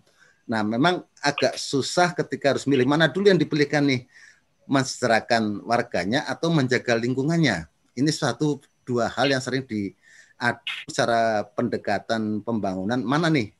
Nah, kalau orang yang pendekatannya adalah pada pendekatan manusia, maka lebih mengutamakan kesejahteraan manusianya, lingkungan sebagai pendukungnya. Tapi bagi yang konsen terhadap pendekatan isu lingkungan, lingkungan dulu yang di, yang disiapkan diamankan, maka warganya akan sejahtera. Nah, proses ini harusnya ada dialog dan kemudian menjadikan desa-desa itu punya kesadaran untuk memilih karena dia mungkin di desa itu menganggap bahwa ini hutan saya ataupun lingkungan saya itu masih bertahan 20 tahun maka saya akan konsen ke isu-isu yang bagaimana hutan itu ataupun lingkungan itu mendukung sisi uh, manusianya tapi kalau daerahnya itu mulai tergerus banyak longsor banyak bencana maka konsentrasinya harusnya bagaimana lingkungan itu yang dijaga dulu nah ini yang proses inilah yang mungkin harus sering didiskusikan tidak hanya di level desa semata atau antar desa, tapi juga sampai level kementerian. Kalau ini tidak ketemu terus, menurut teman-teman dan banyak pegiat pasti akan masing-masing menggunakan aturan sendiri dan itu dibenarkan karena masing-masing punya landasan saya bekerja di Kementerian Desa ya berarti saya harus menggunakan aturan yang diterapkan oleh Kementerian Desa ataupun yang di Kalaka juga seperti itu. Nah ini pertemuan-pertemuan untuk berdialog, berdebat, kemudian mendiskusikan hal ini menjadi penting sehingga apa pun yang terjadi di desa itu jelas bahwa seperti yang disampaikan oleh Gus Menteri bahwa desa itu menjadi desa surga, desa untuk semua warga. Nah jangan sampai desa itu kemudian menjadi desa hanya untuk urusan lingkungan semata, desa untuk kepentingan elit semata, atau desa itu hanya untuk kepentingan apa istilahnya eh, kementerian saja ketika kementerian menyampaikan data bagaimana sih kondisi desa. Nah, apa pun yang terjadi menurut saya pilihan-pilihan itu harus dibuat uh, di masing-masing desa ataupun antar desa atau dalam area kabupaten atau provinsi untuk mendiskusikan ini. Kalau jarang diskusi lagi, maka akan ya akan stuck dan masing-masing jalan dengan hmm. argumen sendiri-sendiri dan susah untuk dikendalikan. Mumpung ini juga ada undang cipta kerja, ini juga dan kebetulan di masing-masing kementerian yang ada kaitannya dengan desa itu terlibat kaitannya dengan bagaimana melakukan perubahan dengan adanya regulasi undang-undang cipta kerja ini karena saya lihat memang dari omnibus uh, law tentang cipta kerja hanya Kementerian Desa hanya urusan satu ya urusan kaitannya dengan BUMDes. Tapi kalau ditelisir semuanya dalam satu undang-undang itu, baik undang-undang yang kaitannya RT RW, kaitannya hutan dan sebagainya itu lebih dari sekitar 70-an yang harusnya mengkaitkan dengan ah, hubungannya dengan desa dan ini menjadi PR di level regulasinya dan juga di level bagaimana diimplementasinya.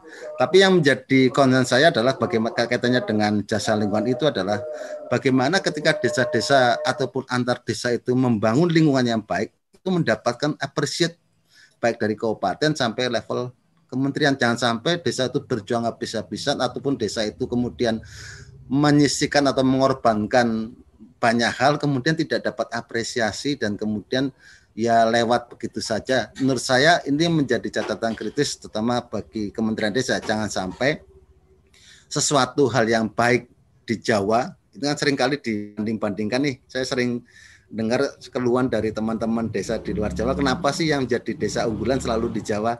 Nah, desa di luar Jawa harusnya mulai ditransfer pengetahuannya dari desa-desa yang dari Jawa untuk saling bertukar ilmu Nah, memfasilitasi ini tidak mungkin desa-desa memfasilitasi sendiri itu peran provinsi ataupun peran kabupaten atau peran pusat. Bagaimana antar desa itu saling belajar.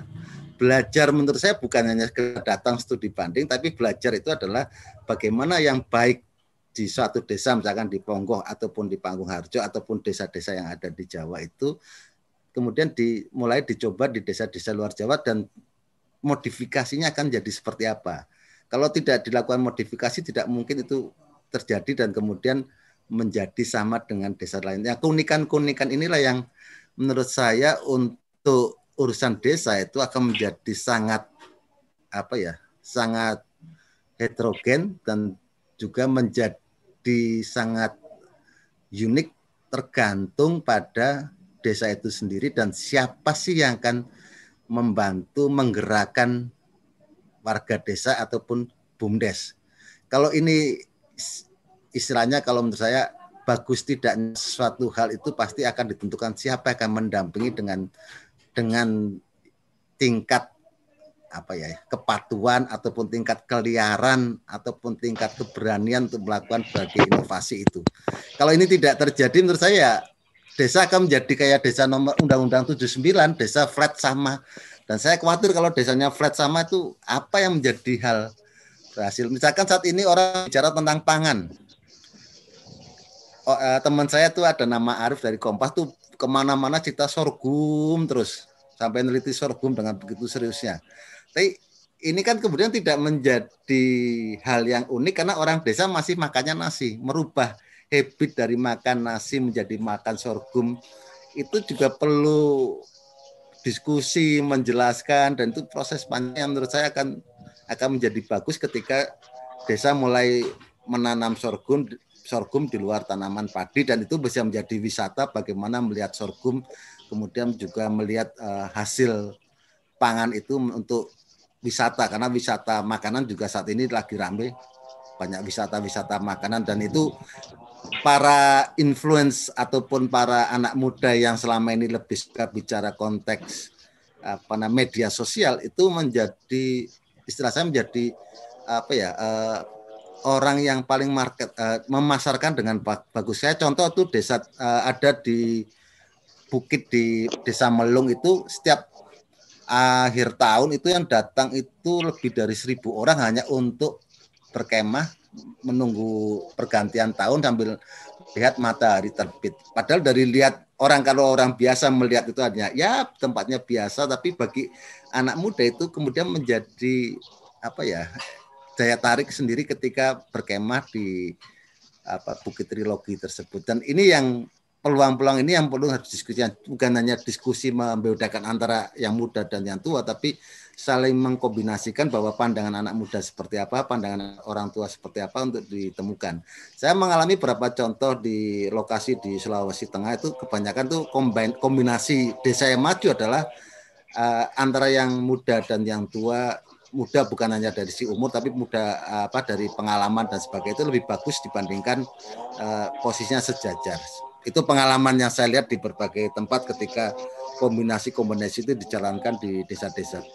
Dan satu lagi yang jadi catatan Pak Lurah bahwa uh, sinergi antar pendamping itu sudah pernah dilakukan, sudah pernah dipetakan karena hampir semua kementerian yang turun sampai level desa atau komunitas itu masing-masing punya pendamping dan belum pernah dipertemukan sistem seperti apa kan dibangun. Kalau ini menjadi menjadi pilihan mungkin akan menjadi contoh bagus bagaimana desa itu dikeroyok oleh berbagai kementerian dengan para pendamping ataupun nama lainnya, fasilitator ataupun CO untuk membangun lebih baik negeri ini. Saya rasa itu. Iya. Pak Lurah. Iya, Mas Jasir, terima kasih. Mas Jasir, uh, tadi yang dari Pak Sumardi ada sedikit mungkin saya tambahkan begini. Yang dari Pak Sumardi itu bahwa uh, Pak Sumardi itu berasal dari kelompok tani hutan atau kelompok LMDH gitu. Nah,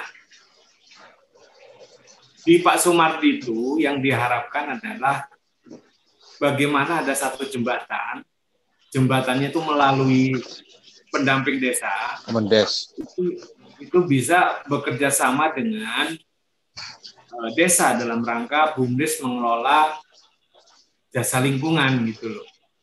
Hmm. Nah, Ya. di dalam skema perhutanan sosialnya Pak Sumardi itu di, di sudah dipilah KUPS-nya, ada KUPS wisata dan ada jasa lingkungan. Kurang lebih seperti itu tadi yang dia tanyakan. Jadi eh, tadinya memang begini. Mungkin juga ini satu eh, tambahan juga untuk pendamping desa kita supaya dia pemahamannya sampai di sana. Pemahaman-pemahaman terhadap dasar lingkungan dan perhutanan pun juga harus di harus dimiliki oleh para pendamping desa kita terutama yang dia terkait sama desa-desa hutan gitu.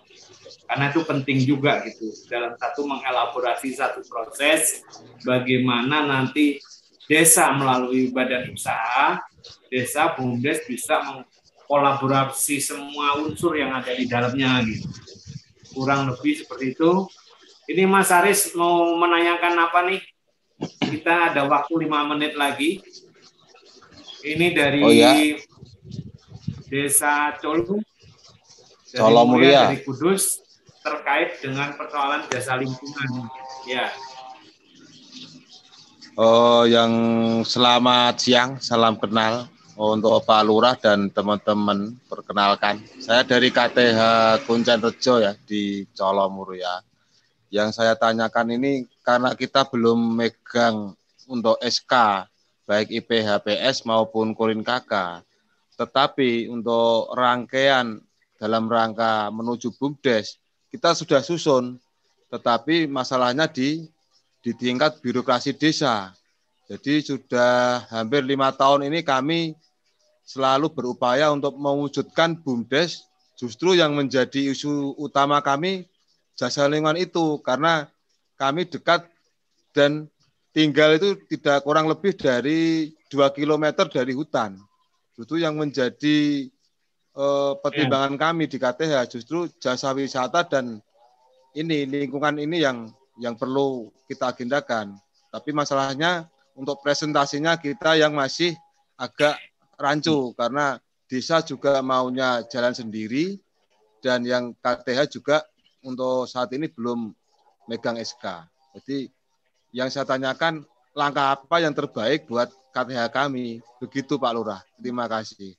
Ya Mas Haris, terima kasih banyak. Ini satu problem dari sisi perhutanan sosialnya belum SK, tapi bagaimana teman-teman yang di dalam perhutanan itu ingin membangun sebuah badan usaha di tingkat desa dengan basis jasa lingkungan. Karena memang posisi di Colo itu memang di kaki Gunung Muria, di bawah, di dalam uh, perkebunan hutan gitu. Jadi nah, ini mungkin Mas Pit dan Pak Yasir uh, sembari kita closing time juga ini uh, menit ada waktu empat menit kita sebelum kita close untuk sekaligus uh, menjawab pertanyaan Mas Aris dan memberikan satu kata-kata pengantar penutup gitu. Demikian. Siap, siap. Mas Yasir atau Mas Pit, monggo siapa yang duluan?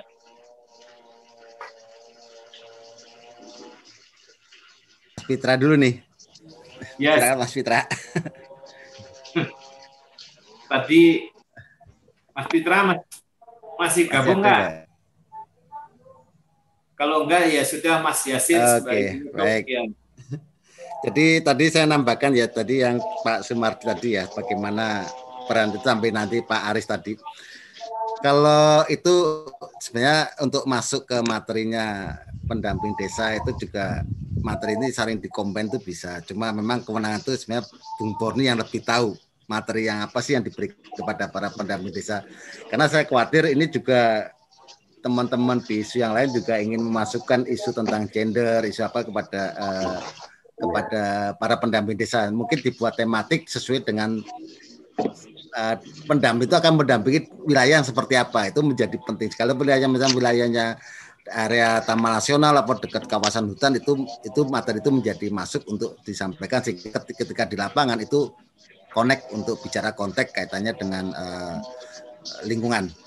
Nah, kaitannya dengan Mas Aris, ini kan ada dua nih, satu urusannya SK belum selesai, satu desa pengennya dengan yeah. katanya BUMDes.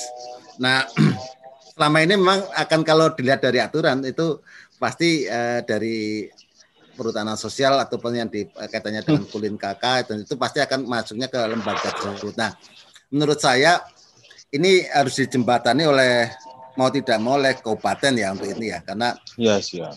Nah, kalau kalau kalau bisa sih sebenarnya jalan dulu dengan masing-masing skenario yang diterapkan oleh oleh masing-masing kementerian. Hmm. Tinggal SK-nya keluar. Nah, sekarang yang kita tunggu kan BUMDes nih karena ada perubahan dengan Undang-Undang Cipta Kerja. Semoga BUMDes itu bisa menampung bagaimana uh, usaha jasa lingkungan yang dijalankan oleh teman-teman itu masuk menjadi bagian skenario BUMDes. Kalau itu masuk kan tinggal tinggal oh, ya. gabungkan. Nah, menurut saya itu karena kalau bumdesnya jalan yang teman-teman di Kulin Kakak dan LT PLT apa LT MA itu untuk berjalan itu kemudian akan akan terseok-seok kalau tidak ada SK-nya karena memang syaratnya harus ada SK untuk itu.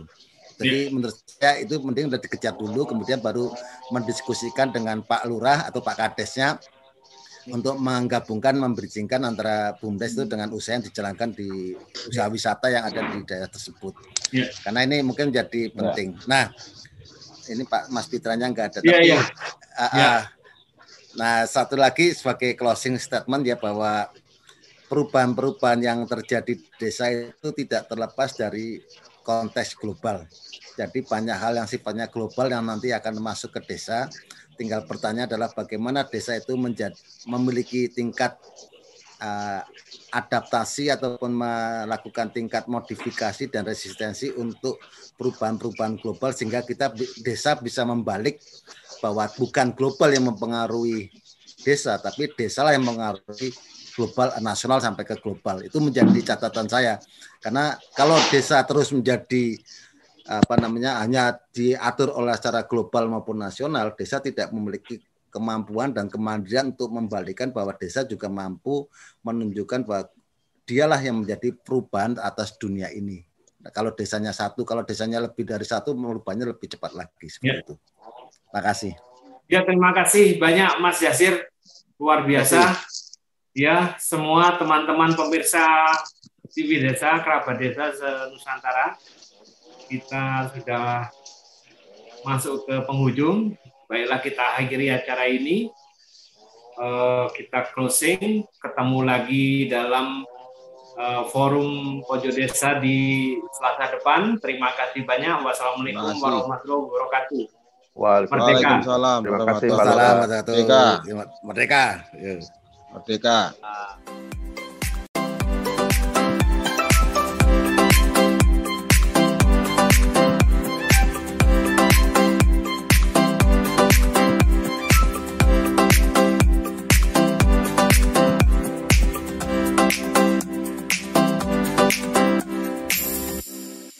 Cara ini didukung oleh Desa WiFi Tol Langit Desa Indonesia.